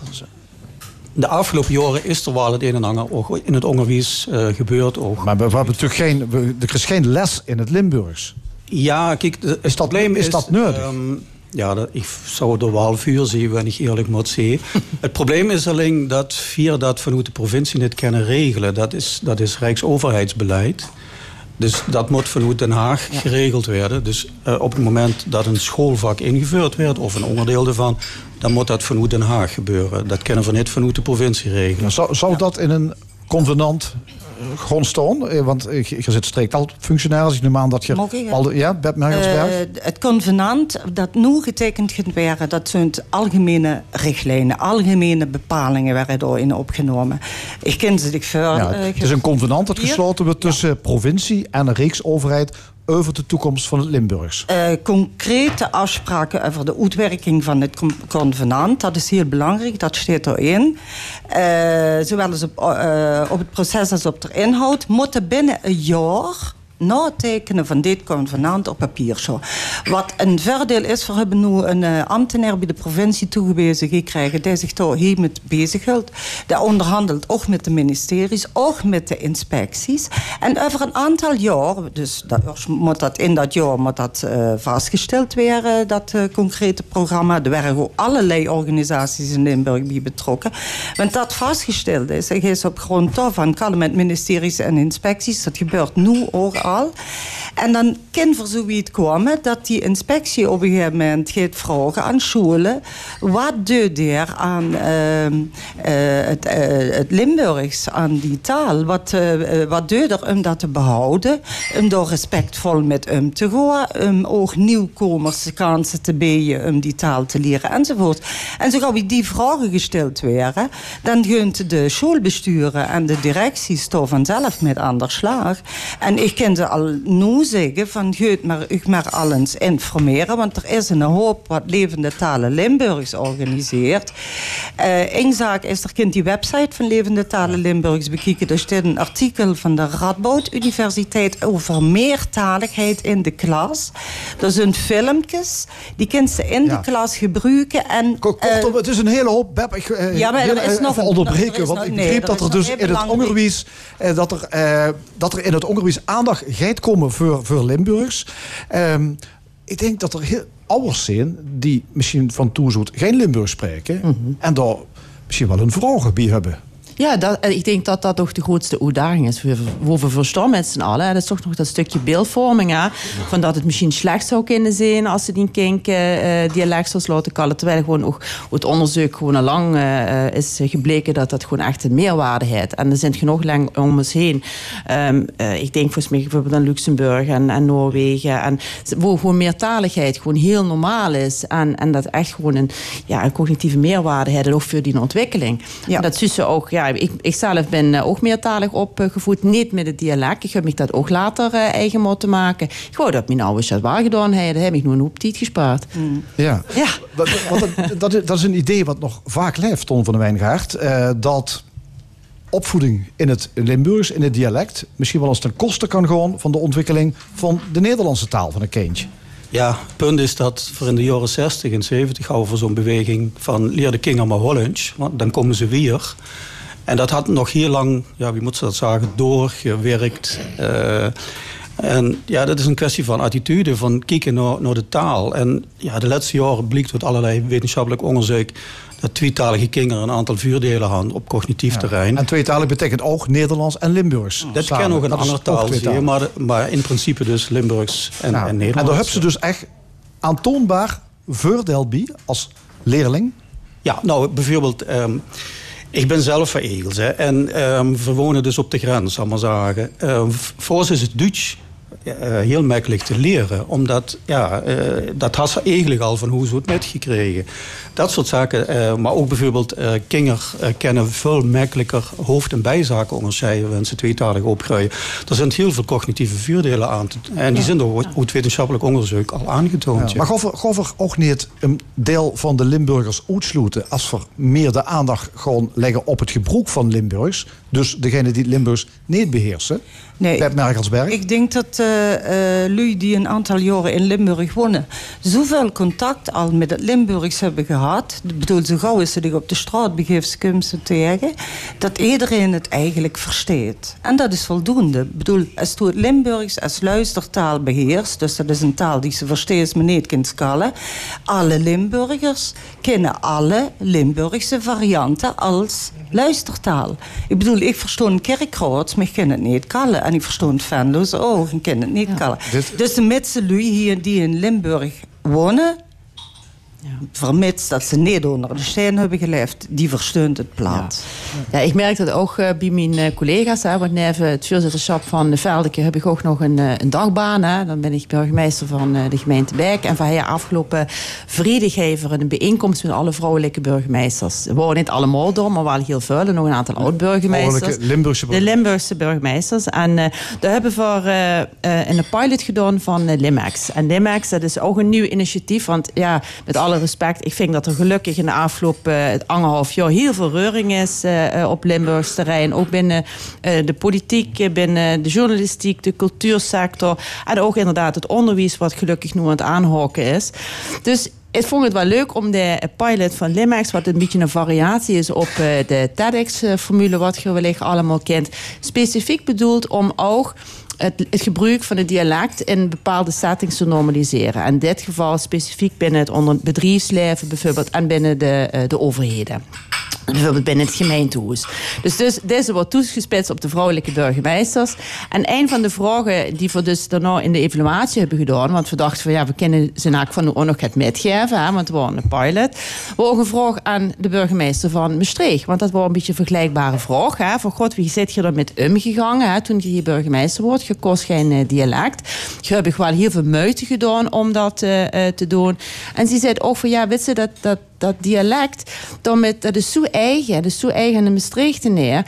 Ja, dat, ja, dat vult gewoon ook gewoon goed. Ja, en zei ze, misschien spreek ik het niet wie een echte Schenk, maar ik doe mijn baas en ik vind het toch heerlijk als jullie mij op straat ook gewoon in het, in het dialect gewoon uh, uh, aanspreken. Ja, en dat ik het dan niet immer perfect uh, terug kan, kan kallen. Ja, dat is dan maar zo. Ze vindt het eigenlijk veel erger, zag ze zelf, dat als, um, als ze zich maar zelf in het Hollisch antwoord geeft, dan betrap ik mezelf ook op, dat ze dan de anger ook Hollisch gaat. Dus eigenlijk vergelijkbaar met de peuter van twee die toeskomt van de, van de peuterschool. En dus ja, met dialect, geit en Hollands terugkomt. Ja, en als ze dan als uh, gesprekspartner niet ook weer gewoon heel bewust denkt van ja, maar wacht even, ik ben in Limburg en ik kal plat en ik blijf gewoon plat kallen. Ja, daar werken we er ook allemaal aan de teleurgang met. Dus ik denk dat het heel belangrijk is dat we vooral die kleintjes uh, uh, te pakken nemen, om het zo maar te zeggen. En, maar we moeten er zelf ook veel bewuster mee omgaan. Ja. En ik denk niet dat ze jullie ermee doodslaat, nee, want dat wordt de vraag. Ja. Limburgs is sinds 1997 erkend als streektaal. Wat is er eigenlijk sindsdien gebeurd om de taal ook wel echt vitaal te houden? Ton van de Wijngaard. Nou, er zijn allerlei initiatieven gewerkt. Een van de dingen wat ik zelf heel belangrijk vind... is dat die, ja, zeg maar, die negatieve connotatie ten aanzien van het Limburgs... dus van leer ze alsjeblieft Hollands kallen... dat is in de loop van de jaren een heel stuk ja, angers worden, zal maar zeggen. Is dat echt zo? Want als ik, als ik dus kijk het voorbeeld op de Peuterspeelzaal... dat geeft dus eigenlijk aan dat er juist niet serieus met het Limburgs wordt omgegangen. Ik ben ja, moog, moog, ik toch, moog ik toch een voorbeeld van geven? Ik geef lezingen in Limburg. En dat doe ik ook bij zij actief. Dat zijn de dames, dat kennen misschien wel. Ik een keer in Noorbeek. En in mijn verhaal zit ook het over voordelen van tweetaligheid. Ik denk, nou moet ik de boodschap gaan brengen. Tot mijn grote verbazing borsten die dames ineens... ja, nee, dat is prima, dat is hartstikke goed. We moeten die kinderen vooral tweetalig op laten, uh, laten groeien. Dus ik denk, wat kom jij eerlijk nog door? Weet? Dus er is toch wel, en dat vind ik wel, dat is in de afgelopen jaren gebeurd, er is toch wel een hele positieve ja, ontwikkeling ten aanzien van het Limburgs gekomen. En dat vind ik al 100% Bert Mergelsberg? Uh, ik vind uh, dat uh, de taal, Limburgs, vooral ook in de media, gebruikt werd om verslag te doen van traditioneel cultuuruitingen. Maar in de serieuze programma's, zoals wie het nieuws en wie de stemming en wie die zomerinterviews die daar doet, daar huurt ze dat nooit. Dus wat dat betreft, wat, er werd wel meer Limburgs gekald op de radio en de televisie. Maar het is uh, altijd met de carnavalscherp um. En dan leerst ervan als uh, Limburger dat het eigenlijk een carnavalstaal is. En dat het niet een taal is die geschikt is om die serieus met uit te drukken. En, en dus aan dat prestige moet aangewerkt worden. Dan moet aangewerkt worden in de peuterspeelzaal, in de media, in de scholen, in de zorg. Overal speelt hetzelfde. Ja, ja misschien... Ja, mevrouw van, van Basten, van Veldeke? Ja, misschien ligt de waarheid toch wel een beetje in het midden. En dan moet je ook oppassen. Want ik snap dat vanuit de theorie ja, dat concept van een prestigetaal. Maar uh, gaat hoeven nu als Velken natuurlijk tegen aanlopen, of niet natuurlijk, maar dat hoeven tegen aanlopen, is toch ook een bepaald beeld hè, van, uh, van de organisatie. En dat is allemaal een beetje, een beetje gries en een beetje belerend en zo. Hè. Wat is toch ook het kenmerk van die Veldeke kringen? Er komen toch uh, heren op leeftijd bij elkaar die ene keer in de morgen het is lekker ja, dat, ik heb, ik heb vorig jaar, want ik ben natuurlijk nog niet zo heel lang veel zitten. Ja. Ik pak me bij het anderhalf jaar. En ik heb een rondje langs de Veldeke kringen gemaakt. En dat valt echt wel heel erg met. Ik bedoel, er zitten wel grote verschillen ook wat tussen de verschillende kringen. Maar ik, uh, ik vind echt dat uh, de kringbesturen heel gepassioneerd en bevlogen en ook heel actief proberen te zoeken naar nieuwe programmeringen en nieuwe bestuursleden. Maar dat is niet van... even makkelijk, omdat dat beeld hè, van de boetewacht toch nog een beetje hetzelfde is. Dus daar moeten we vergeten met. Hè. Anders maar, maar, imago moeten we gaan, aan gaan ja. werken. Maar Limburg zullen we niet redden met zaaltjes waar veldelijke leden elkaar treffen en één keer Nee, ons kan dat- vertellen dat wie groot het Limburgs is. Ja, maar dat gebeurt ook niet. Dat zijn allerlei activiteiten, van, van variërend van toteel, toneelvuurstellingen tot wandelingen, tot ook hele leuke samenwerkingen met allerlei zusterverenigingen. Eh, er is van alles. Er is hulp nodig eh, voor vooral die jonge doelgroepen aan te spreken, hè, want dat is wel lastig. Hè. Ehm, dus ik hoop ook dat we door samen nu voor ook een beetje het momentum te pakken hebben om dat te kunnen doen. En ik wil het hier ook als afvier als bestuur willen ook hier gaat breien gewoon. Dus ik heb bijvoorbeeld, dan, dat triggerde mij net die carnavalsopmerking.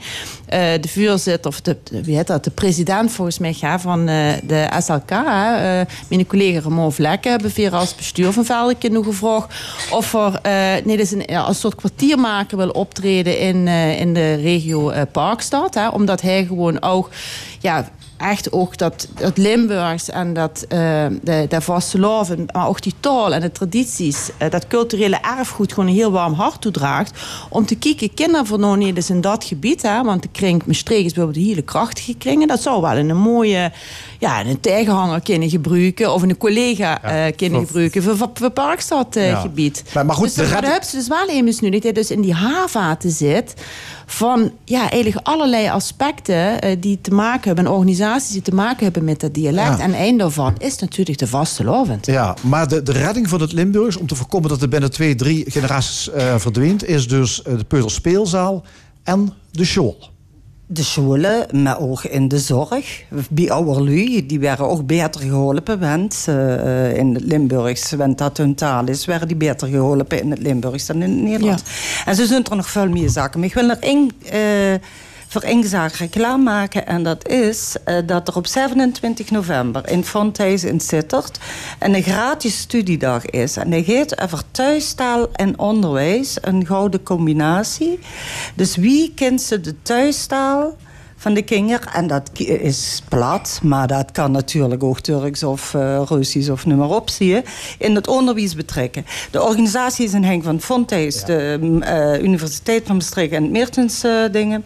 En eh, eh, Levende Talen Limburgs zit ook in de Ja, organisatie. dat, dat thuistaal als eh, het, het Limburgs, dat is eh, dus lang eigenlijk ongeveer onachtzaam in het, in het onderwijs. Gene- Ja. genegeerd Is, is, dat, is dat de kern van het convenant, wat er gesloten gaat werden? Het, het onderwijs, Onderwijs is- speelzaal? Onderwijs is er wel een hele Ja. belangrijke component van. Ja, en wie gaat dat uitzien? Wie moet ik over, over, over, over vijf of tien jaar is onderwijs dan een vast onderdeel van het curriculum op school? Ja, dat zou wat mij betreft wel het punt zien waar we voor hin moeten werken. Ja. Ik denk dat het vooral op eh, een stukje doelgroepbenadering eh, zit. Hè? Dus dat hebben ze dus een bepaalde doelgroep leeftijdscategorie. Dat moesten vanuit de professionaliseringslaag in het veld. Hè, zo wie de vereniging van mevrouw Mergensberg mee bezig is. Eh een stukje beleidvorming, waar de overheden voor aan de lat staan. En inderdaad onderwijsorganisaties. Maar er moest ook, en ik denk dat door organisaties zoals Veldeke, maar ook eh, de cultuursector, hè, met bijvoorbeeld een initiatief als het Troubadours van de Toekomst of uh, Limburgs. En zo kan ik er nog wel even doorgaan. Ook die doelgroep moeten aanspreken Kortom. in een andere setting. En ja, dus samen moeten we dat gaan doen. Ja. Ik vind ook dat bijvoorbeeld Da- da- Nederland we moeten gebruikt dit- kunt ja. werden als het hebben over carnaval. Dat ook veel Hollanderen die carnaval vieren. Oké, dankjewel. Het is gezag. Eh Beb Mergelsberg, lerares en secretaris van de Stichting Levende Talen. Christine van Basten, voorzitter van Veldeke. En Ton van der Wijngaard, streektaalfunctionaris. En eh, morgenavond besteedt L1 TV een hele uitzending aan het Limburgs. Dat programma Avondgasten begint om half negen. Zometeen in de stemming een column van eh, Jos van Wersch... gevolgd door het discussiepanel. Maar eerst muziek, dialectmuziek. Op het podium zanger-gitarist Skinny en zijn begeleider Tom Lanjou. Skinny presenteert volgende week zondag zijn nieuwe album Duizend Verhalen... om twee uur in de Roosterhoeve in Roosteren. Op die plaat ook dit eh Limburgstalige lied Blauwdruk.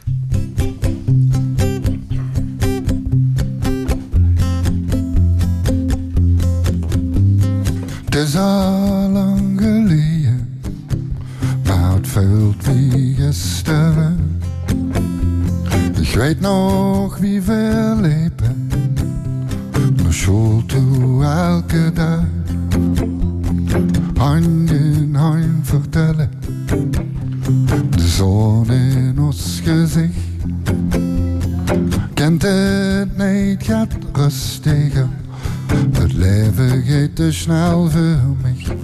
Een vrouw, een man. Blauwdruk van de pap en de mam.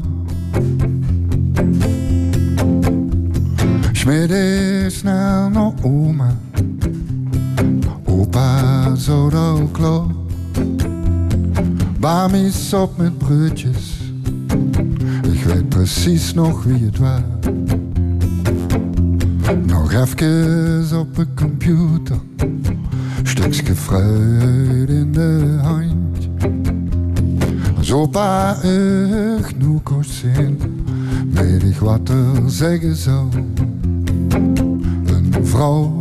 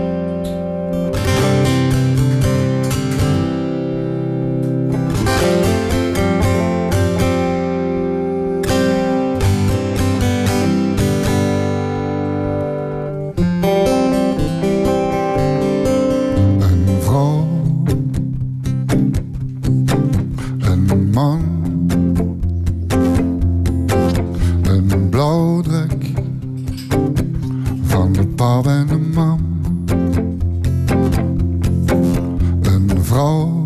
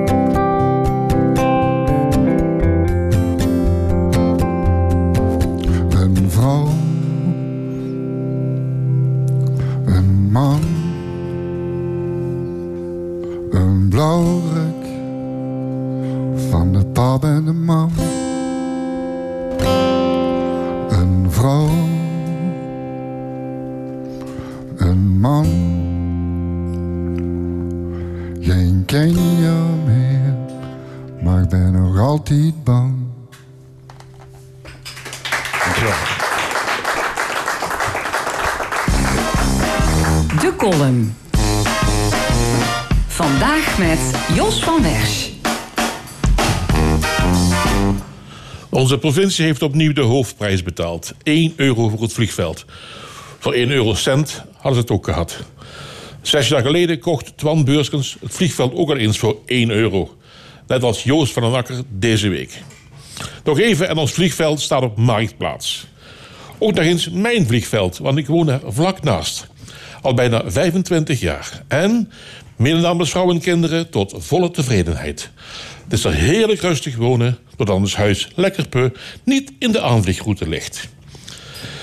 Heel af en toe zien wij, boven Geverik, een kist opstijgen of landen. En dan kijken wij met z'n allen onze ogen uit. Kijk, daar gaat er weer eentje, zegt onze hoogbejaarde buurman dan. Eentje, nooit twee, laat staan drie. Het vliegveld sluiten komt niet in vragen. Want dan trekt Jan Smeets aan de bel. De Rolling Stones zouden namelijk hebben gesuggereerd... dat ze mogelijk binnen tien jaar wellicht nog een keer naar Pinkpop komen. Of voorwaar dat ze in alle rust in de directe omgeving kunnen landen. Net als destijds president Bush met zijn Air Force One... en, niet te vergeten, een aantal mafioze kunsthandelaars... die geen pottenkijkers willen. Als ze met hun privéjets naar de preview day van het TFAF komen... één keer per jaar. Intussen lag meneer Correndon zich een bult. Want in B krijgt hij de komende zes jaar zowat geld toe. En de vakantiegangers mogen er gratis parkeren. Kortom, de ultieme Limburgse gastvrijheid dankzij gekke Henkie in het gouvernement. Geachte omwonenden van de luchthaven Maastricht-Aachen Airport. Staat boven de brief die deze week bij ons in de bus viel. De brief is ondertekend door Van de Akker. De luchthaven, schrijft Joost, is onderdeel van de basisinfrastructuur van Limburg en die moet gegarandeerd blijven. Dat betekent volgens de taalbrigade van Raymond Klops... we houden de tent gewoon open, oftewel we hebben er scheid aan dat kost. En jammer dat ze allemaal in een duikvlucht terechtkwamen. Van Cityhopper tot RXL en van Vierbeurt tot Germanwings. Ik ben ooit met een uiteraard opgeheven lijnvlucht vanaf Beek... naar vliegveld Malpensa bij Milaan gevlogen. S'morgens op de heenweg waren met twee passagiers. Op de terugvluchtavonds was ik nog maar in mijn eentje. En mocht ik gezellig naast de piloot in de cockpit zitten... terwijl de twee stewardessen mij op bubbels trakteerden. Ik schreef er een stukje over in de Kamerkrant. Maar dat vond mijn baas toen helemaal niet aardig... want ons vliegveld is, en daar komt u weer... onderdeel van de basisinfrastructuur van Limburg. Hoe het verder gaat is voorspelbaar. D66 wil zoals altijd een referendum dat niemand interesseert. GroenLinks een enquête om alles nog eens goed door te rekenen. En het provinciebestuur kan zich tot aan de volgende verkiezingen... heerlijk verschuilen achter de nieuwe luchtvaartnota... met een looptijd tot 2050. Tegen die tijd is Beek al lang getransformeerd tot een nationaal stiltegebied... ten behoeve van het fokprogramma van het behoud voor de korenwolf. Ik verklap u een geheim, en het is geen grap. In ons weiland, op zichtafstand van het vliegveld... hebben we deze week een oogverblindende dassenbeurt ontdekt. Dat is heel bijzonder, te meer omdat het de enige dassenbeurt ter wereld is bij een vliegtuig. Althans, bij een vliegveld, althans, waar dat doorgaat.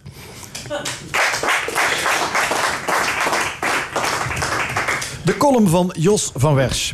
We gaan de week doornemen en daarvoor is ons discussiepanel aangeschoven. Deze week met Tirza Hoebe, vicevoorzitter van de Rode Vrouwen in de PvdA. Voormalig GroenLinks-raadslid Heger Harsi en winkelier Cor Bosman. Welkom. Ja, de uitbaters van Maastricht, Aachen Airport. Uh, we hoorden het net al, hebben het hele zaakje teruggegeven aan de provincie. De luchthaven is te weinig winstgevend en daarom stoppen ze ermee. Ja, het wil me niet lukken met die privatisering. Cor Bosman, mag dit moment worden aangegrepen om de discussie over het bestaansrecht van het vliegveld in Beek te heropenen? Uh, die discussie wordt daar inderdaad wel mee aangezwengeld. Maar ik was in het verleden en ik ben nu nog altijd de voorstander van Maastricht-Aken Airport. Destijds ook als uh, statenlid heb ik het hele verhaal meegemaakt. Uh, waar voor wat mij betreft de, de schoen knelt is dat Maastricht-Aken Airport en nog een hele hoop andere dingen in Nederland... die, die komen knel te zitten tussen de regelgeving, de wetgeving... en de vergunningen die afgegeven moeten worden. Uh, als ik kijk wat er door de laatste uitbater... wat daar in een paar jaren tijd toch gerealiseerd is... als die vergunningen en regelgeving... als die een stuk uh, uh, soepeler gehanteerd zouden kunnen worden... dan kun je Maastricht-Aken Airport zou je kunnen uitbouwen... Uh, naar een vliegveld à la Bierzet in Luik bijvoorbeeld. En dan kunnen de voor- en tegenstanders... die kunnen dan wel roepen over... ja, het is, het is onderdeel van de infrastructuur van, uh, van Limburg...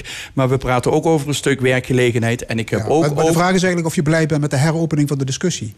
Ik ben wel blij met, uh, met, uh, met de heropening van de discussie. En ik hoop dat de uitkomst ook is dat Maastricht-Aken Airport blijft staan. Oké, okay, helder. Economie-gedeputeerde wil die discussie niet... want het vliegveld hoort bij de Limburgse basisinfrastructuur... en is een economische motor. Punt uit. Terza Hoebe. Onzin. Nee, even heel duidelijk. Ik zit zelf ook. Ik heb de afgelopen vier jaar in de Staten vol verbazing de discussie van MMA van natuurlijk voorbij zien komen. Uh, ik, ik hoor ook elke argument natuurlijk om het open te willen houden. Maar als ik gewoon puur letterlijk kijk bij welke infrastructuur? Het gaat gewoon niet goed met MMA. Is ook nooit goed gegaan. En de vraag is ook, kun je iets commercieel laten draaien... wat terwijl de concurrentie gewoon naast de voordeur zit... en niet één vliegveld, maar meerdere vliegvelden? En is het dan wel nodig om een MMA open te houden. Kijk, ik, ik, ik begrijp dat die behoefte er bestaat... en de wens en het gevoel vooral dat het van noodzaak is. Maar dat is natuurlijk niet zo als de cijfers constant laten zien... dat het verlies draait. En dan kun je alle staatssteun er constant in blijven pompen. Dus ons geld van de burger.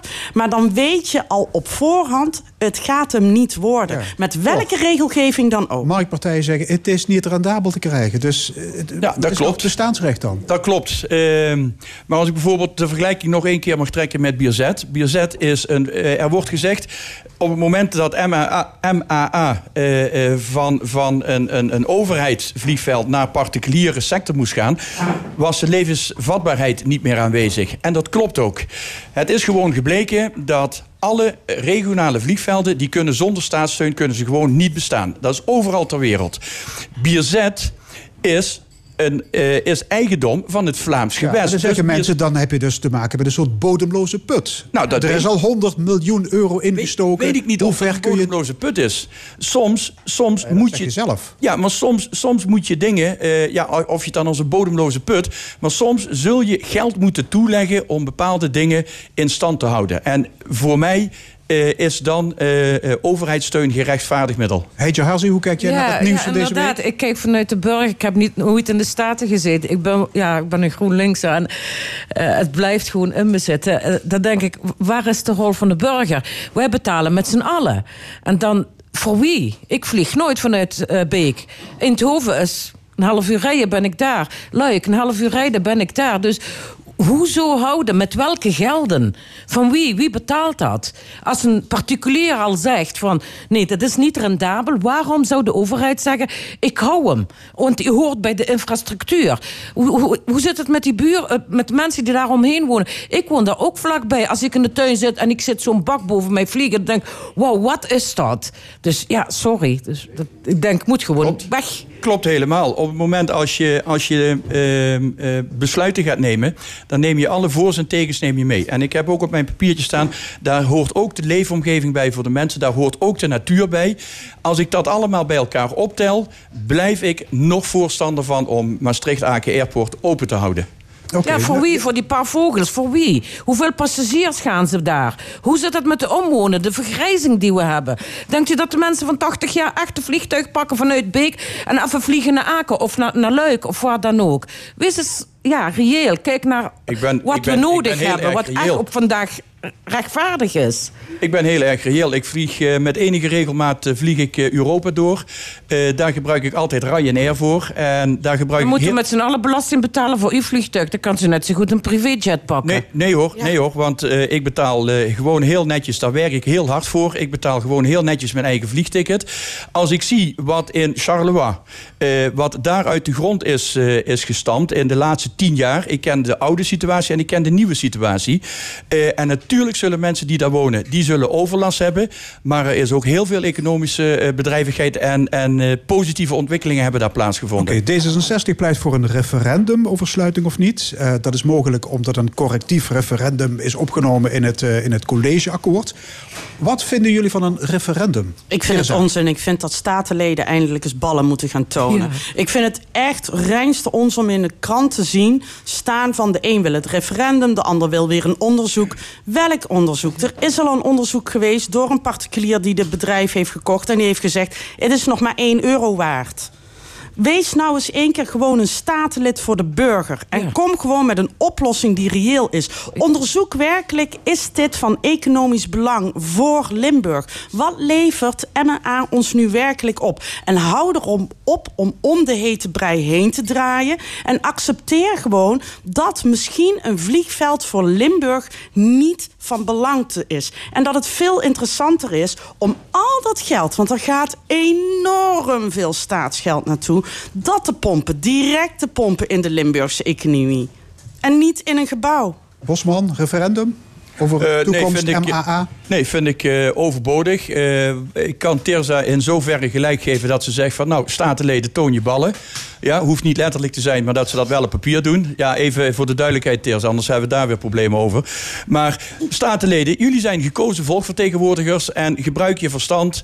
En Maar waar hebben we dan een referendum voor? Ik bedoel, noem eens een onderwerp dat dan wel Ik- ik referendabel er- is in ik Limburg. zou, er, ik zou er op dit moment zou ik geen onderwerp kunnen verzinnen waar een referendum voor nodig is. Dus dat is een fopspeen.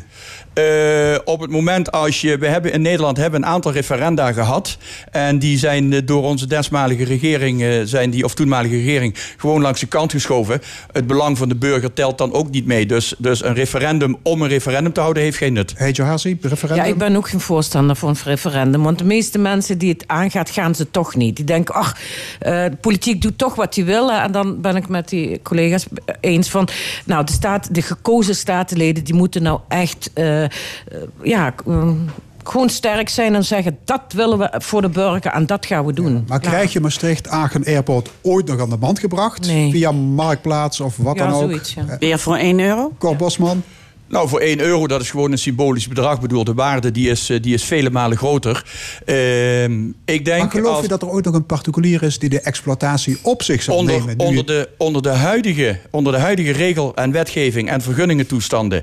denk ik dat dat heel moeilijk gaat worden. Op het moment als je daar een, een bepaalde versoepeling in gaat doen... als bijvoorbeeld de landingsbaan eh, eh, ietsjes verlengd zou kunnen worden... dat er een groter vrachtvliegtuig zou kunnen landen...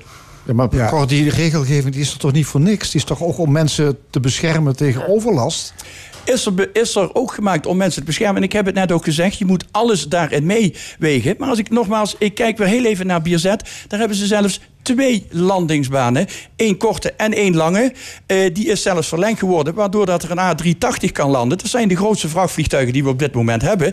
En Bierzet heeft het wel heel goed gedaan, want ze hebben voor heel Europa... hebben ze alle eh, vrachtvliegtuigen van TNT, die staan daar netjes Ja, maar geparkeerd. is het prima dat Pierre doet, dan hoeven wij het niet meer te doen. Nee, maar, nee, maar wij, wij hoeven ook, wij hoeven, eh, hoe heet het, TNT hoeven niet binnen te halen. Maar ik denk dat eh, MAA de potentie heeft om eh, in de toekomst te groeien naar zeker een verdubbeling van het aantal passagiers. Ja, ik vraag me dat heel erg af. Omdat we natuurlijk nu ook het eh, fenomeen krijgen... CO2-uitstoot, het eh, reduceren ervan, nieuwe regelgeving daarop. Vliegmaatschappijen die zijn nog steeds niet geneigd... om snel mee te gaan in deze nieuwe wensen en eisen. Dus ja, je krijgt, een, je krijgt zoveel nieuwe factoren erbij... Ja, die de groei van nog? MMA gaan belemmeren. Dus het is niet alleen nieuwe opdrachtgevers binnenhalen. Het is ook een regelgeving die nog harder en sterker op die groei gaat eh, drukken. En ik denk dat de staten nu echt goed na moeten gaan denken. Wat is haalbaar? Maar vooral, laten we even eerlijk zijn, wat is zinvol? Luik die om de hoek ligt, die heeft qua potentie in, in reizigers ongeveer hetzelfde. Dan zou je bijna denken, hé, hey, dan doet Maastricht het nog niet zoveel. Maar in de vrachtverkeer tien keer zoveel. Tien keer zoveel als Maastricht. Waarom zouden wij die klanten binnen kunnen halen... als ze het een luik prima kunnen redden? We gaan naar een ander onderwerp. Ehm, iedere gemeente moet een loket krijgen waar burgers met vragen terecht kunnen. En niet alleen vragen die met die gemeente te maken hebben, maar alle denkbare vragen. Dat wil de nationale ombudsman. Hebben jullie wel eens behoefte gehad aan zo'n loket? Dat je met een Ik vraag staat en dacht, ja, waar? Ja? ja. Ik, vind, ik vind het een heel belangrijk onderwerp. Ja, maar het, het moet echt veel, meer tijd, veel langer tijd aangetrokken worden.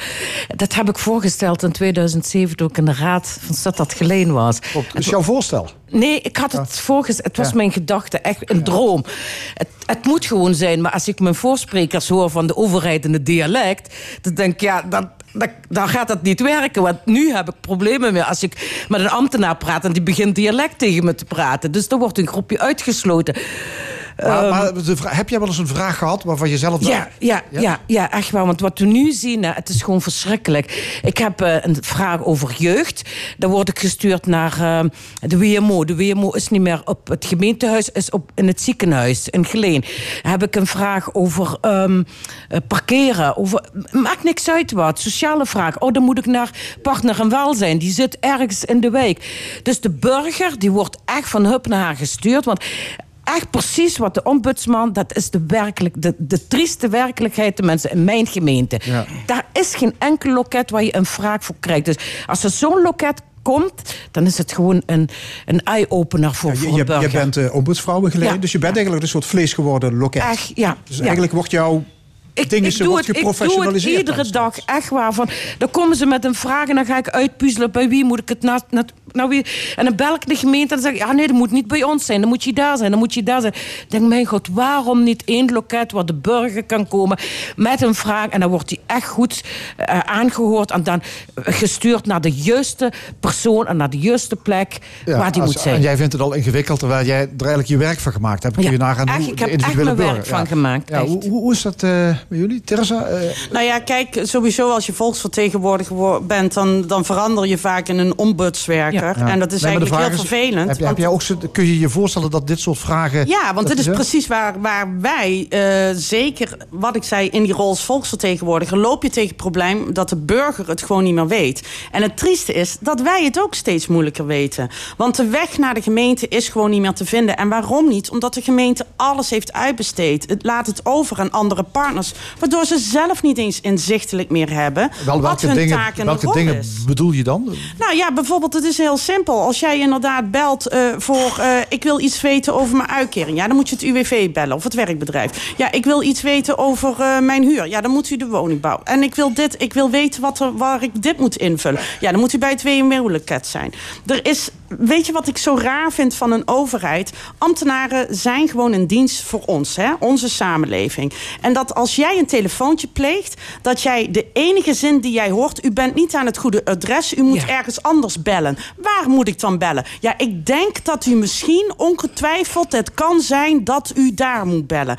Wat een dienstverlening. De enige taak die zij hebben is ons te faciliteren, onze samenleving. Dan moet jouw antwoord zijn als jij zo'n telefoontje pleegt als burger. En wat je dus hoort te horen. Beste burger, dat gaan we voor u uitzoeken. Ik kom er bij u op terug. En u krijgt contact met de juiste persoon en de juiste instantie. En dat is dat loket. Ja, Cor, is, is onze samenleving misschien te ingewikkeld geworden? Dat denk ik wel, ja. Ik heb hier ook opgeschreven. Ik, voor, voor mij is. ehm, ik, ik, ik ben er nog niet voor mezelf uit of, of één, één loket. of dat de juiste oplossing is. Eh, wat ik wel als conclusie heb, is dat het systeem moet veel eenvoudiger. Precies zoals Terza het zegt. Je wordt van het kastje naar de muur gestuurd. Eh, mensen zien door het bomen de bos niet meer. En de ene die is wat, wat mondiger als de andere. Eh, dus die zal ook waarschijnlijk wat, wat zelf wat meer uitzoeken. Maar ik kan me voorstellen dat er een hele grote groep mensen is. Ja, die op een gegeven moment gewoon door de bomen het bos niet meer ziet. En of dat nou met, met één loket moet zijn, dat weet ik nog niet. Eh, maar ja, het systeem moet gewoon veel eenvoudiger. En ik heb het artikeltje van, eh, van de Nationale Ombudsman eh, gelezen. Ik ben het één ding met, ben ik met hem eens. Hij zegt van de overheid vraagt veel, maar geeft heel weinig terug. En daar zal, daar zal echt een verandering moeten komen. Precies zoals Teerse ook aangeeft. De overheid, en of het nou landelijk of lokaal is, moet het ten dienste staan van de burger. Ja, maar die, die overheid, die heeft eigenlijk de burger er ook de laatste jaren toe aangezet om juist veel meer zaken zelf te gaan uitzoeken. Ik kan me de tijd nog herinneren dat je gewoon je ziektekostenverzekering, dat werd gewoon van je loon afgeschreven. Tegenwoordig moet je elk jaar eigenlijk een nieuwe ziektekostenverzekeraar zoeken. En zo zijn er talloze voorbeelden. Alles moet je eigenlijk zelf uitzoeken. Klopt. Zou dat anders moeten? Zou dat dan teruggedraaid Nee, moeten nee, worden? nee, nee, nee, Jawel, nee, absoluut. dat mag, dat mag. Ik wil ook niet dat de overheid zich mee bemoeit met mijn zorgverzekeraar of wat dan ook. Maar de overheid moet me faciliteren. Moet- Ik moet kunnen, eh, ik moet kunnen goed uitzoeken. Als, als de eh, overheid zegt je moet alles digitaliseren, dan moet ik weten als ik een mail stuur naar de gemeente dat die ook bij de juiste persoon komt en niet bij info@ eh, gemeente Huppelepup. Nee, het moet bij de juiste plek zijn. Dus als, ik iets, als je iets van mij verwacht, dan faci- faciliteer mij om het fatsoenlijk terug te vinden. Dat, dat, dat is wat de burger vraagt. Als ik een parkeerkaart, een valide parkeerkaart nodig heb, dan moet ik kijken op de website van de gemeente waar ik het moet aanvragen, waar ik moet zijn. En dan is het goed. Niet dat ik bel en dan. eh, 24 uur, u wordt teruggebeld. Niet, wa- wacht u even, we zoeken het voor u. Nee, u, u, wordt teruggebeld binnen 24 uur. Nou, wacht maar, dat kan vandaag, dat kan morgen, dat kan overmorgen. En dan zit dan de burger te, wachten op één antwoord. Ja, ja. Hoor- ik hoorde jou zeggen dat er misschien wel de zaken teruggedraaid moeten worden. Dat er over Op het te oog- veel van onze zelfredzaamheid Ja. is uitgegaan ooit. Het is namelijk zo, wij hebben de illusie dat mensen, veel mensen zelfredzaam zijn. En dat is het niet zo. De ene is dat meer dan de ander. Maar wat ik, wat ik echt werkelijk storend vind, is dat wij in een samenleving terecht zijn gekomen. Dat alles op digitalisering wordt gegooid. Dan ben ik verbaasd dat de meeste pagina's van gemeentes en onduidelijk en over, onoverzichtelijk en allemaal anders. Wat bezielt je om in gemeente A weer even dit te bedenken en in gemeente B? Kom met een uniform eh, eh, pagina waardoor elke burger en elke gemeente hetzelfde ziet en dat die informatie direct voorhanden is. Als jij dat belangrijk vindt. Maar heel veel mensen weten zelfs niet hoe dat digitale systeem werkt. Die willen gewoon even iemand face-to-face. En dan is het raar dat als je een gemeentehuis binnenloopt en je zegt: Kan ik even met iemand praten? Ik hoorde het laatst. Een mevrouw van 80 die stond daar bij de balie. Er werd tegen gezegd: Mevrouw, u kunt alleen met een van eh, iemand ons in gesprek. als u even naar huis gaat, op de computer een afspraak inplant. en dan bent u binnen nu en een paar weken wordt u geholpen. Ik zat dat echt aan te horen en ik denk: Jongens, waar is het in godsnaam misgegaan in onze samenleving? En dan zie je dat heel veel mensen hebben wel even dat face-to-face nodig. Dus gewoon, en of dat loket echt een, een, een loket is voor alle vragen. Dat loket staat voor mij eigenlijk symbool voor een gemeente die het niet meer weet. Een gemeente die zelfs intern niet eens weet wat zijn buurman of buurvrouw doet. En dat is zeer verdrietig. Dan is er iets niet meer in orde. Ik, ik wil echt de laatste. We hebben de AVG, ja, de, de, de privacywet. Hè. En dan eh, die mevrouw van 80, die is. Die kan niet omgaan met de computer. Dus zij moet haar privé dingen blootleggen aan iemand anders die haar moet helpen. Want de gemeente zegt, ga naar algemene maatschappelijk werk of een ondersteuner en die helpt je. Waar is dan de privacywet? Waar is die voor nodig? En waarom is die in het leven geroepen? Dus meten met twee maten. En dat is het probleem. Je kan nergens bij geen enkele gemeente echt naar binnen lopen en zeggen, ik wil eh, een ambtenaar of ik wil een paspoort aanvragen. Maak een afspraak. Zelfs de verhuizing kan je via internet doen. En dan zie je niemand en dan kan je niks uitleggen. Dan gaat dat mis. Dan moet je dan opnieuw en dan, ja, verschrikkelijk. En alles is aan elkaar gekoppeld. Wat mij betreft mag een loket terugkomen. Oké, ander thema. Deze week stond het Haagse Malieveld vol eh, graafmachines en hijskranen. Ja, werkgevers, de witte borden, het grootkapitaal demonstreren tegen het kabinet. Terza Hoebe, het is wat, hè? Nou ja, in dit geval is het wel een kloppend verhaal. Hè? Kijk, op een gegeven moment, ik ben, ik ben een van de grootste voorstanders voor het verduurzamen van onze samenleving. Nou, op het moment dat je dat eh, probeert te realiseren, dan zul je dus. Ik hoor een telefoontje, ik weet niet wie. oh, er is een mevrouw nu in paniek. maar dan zie je dus gewoon dat, dat een overheid in een, in een spasm eh, schiet. En eh, letterlijk beslissingen neemt die niet haalbaar zijn. Eh, bijvoorbeeld de regels die zij voor de bouw hebben uitgevoerd op dit moment is, eh, is gedaan op een manier en zo abrupt en zo snel zonder te onderzoeken of het haalbaar is. Dus dat is niet mogelijk voor de bouw. En Ja, dat, je hebt het dat nu over die strenge PFAS-norm. Ja, de PFAS-norm natuurlijk. En de stikstof trouwens, dat is een foute term. Want het stikstofprobleem, daar gaat het niet om. Het gaat heel specifiek om een bepaalde eh, variant van de stikstof. Want anders praten we namelijk over 78% van onze hele lucht. Dus ook die termen worden maar door elkaar gegooid. Maar het probleem is gewoon dat wij een overheid hebben... die totaal geen stip op de horizon durft te zetten. Want dan kun je ook met instanties zoals luchtvaart... eh, bouw eh, en ga maar door, hè, verkeer, noem maar op. Dan kun je zeggen, over 10 of 20 jaar willen we daar staan als samenleving. En hoe gaan we dat met z'n allen bereiken? Ja, goed, het zijn natuurlijk ook hoogst ingewikkelde Nee, maar, eh, nee dat zijn hè? keuzes. En die keuzes zijn soms niet heel erg geliefd die je bij mensen moet gaan neerleggen. Maar wat ze nu doen, is natuurlijk gewoon heel ad hoc iets regelen. Wat meteen een minuut later niet werkbaar blijkt te zijn. Dit gaat hem ook niet worden. En dit veroorzaakt ook weerstand tegen het fenomeen. We moeten onze samenleving veranderen in een circulaire economie. Dan zie je iedereen, ja, maar zie wat het maar, maar kun je oplevert. zeggen dat de overheid voor een groot deel de problemen zelf heeft veroorzaakt? Door jarenlang vergunningen op de pof af te geven. En je, je mocht uitbreiden, hè? Eh, en de stikstofreductie, ja, dat was eigenlijk van latere zorg.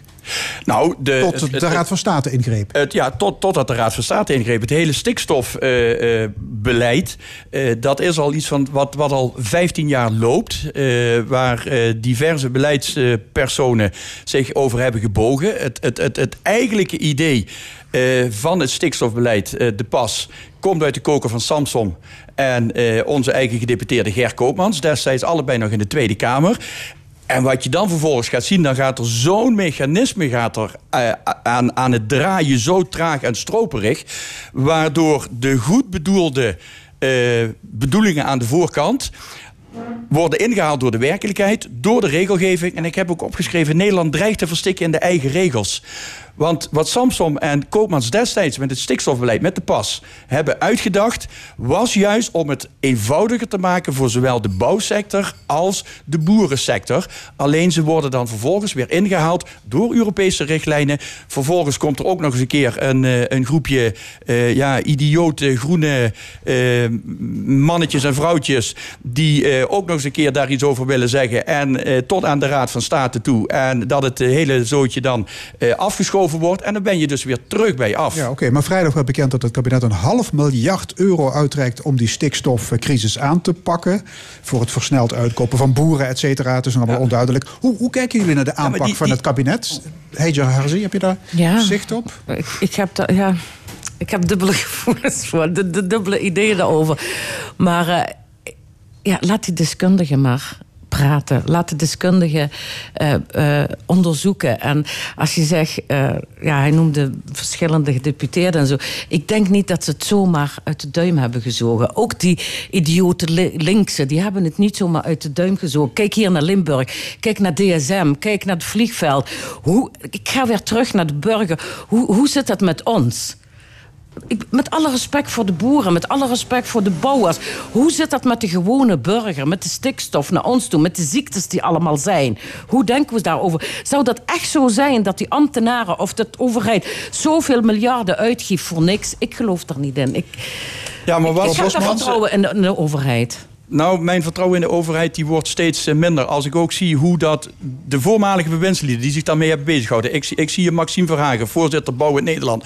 Hij kan zich in één keer niks meer herinneren wat er in het, in het voorgaande traject gezegd is. Terwijl hij notabene zelf minister van Economische Zaken was. Henk Bleker, idem dito, Sharon Dijksma. Allemaal de betrokken bewindspersonen. En nu zit de bouwsector, precies zoals Teerza zegt, wordt er een idiote norm neergelegd van 0,1 microgram. PFAS mag je niet meer hebben. En Nederland ligt helemaal op slot. En dan wil ik naar mijn buurvrouw zeggen van... en daar heeft ook de gewone burger last van. Dus Weg met allemaal die onzinnige regels. Laatste woord is van Terza Hoebe. Ik zou gewoon heel graag willen dat wij een overheid gaan krijgen... die durft stippen op de horizon te zetten en keuzes te maken. Want dat is de enige oplossing. Stippen op de horizon. Famous last words. Dank jullie wel, discussiepanel. Terza Hoeben, Heizer Harzi en Cor Bosman. En dit was de stemming, vandaag gemaakt door Edwin Maas, Maurice Hartgering, Joelle Tilly, Fons Geraerts en Frank Ruber.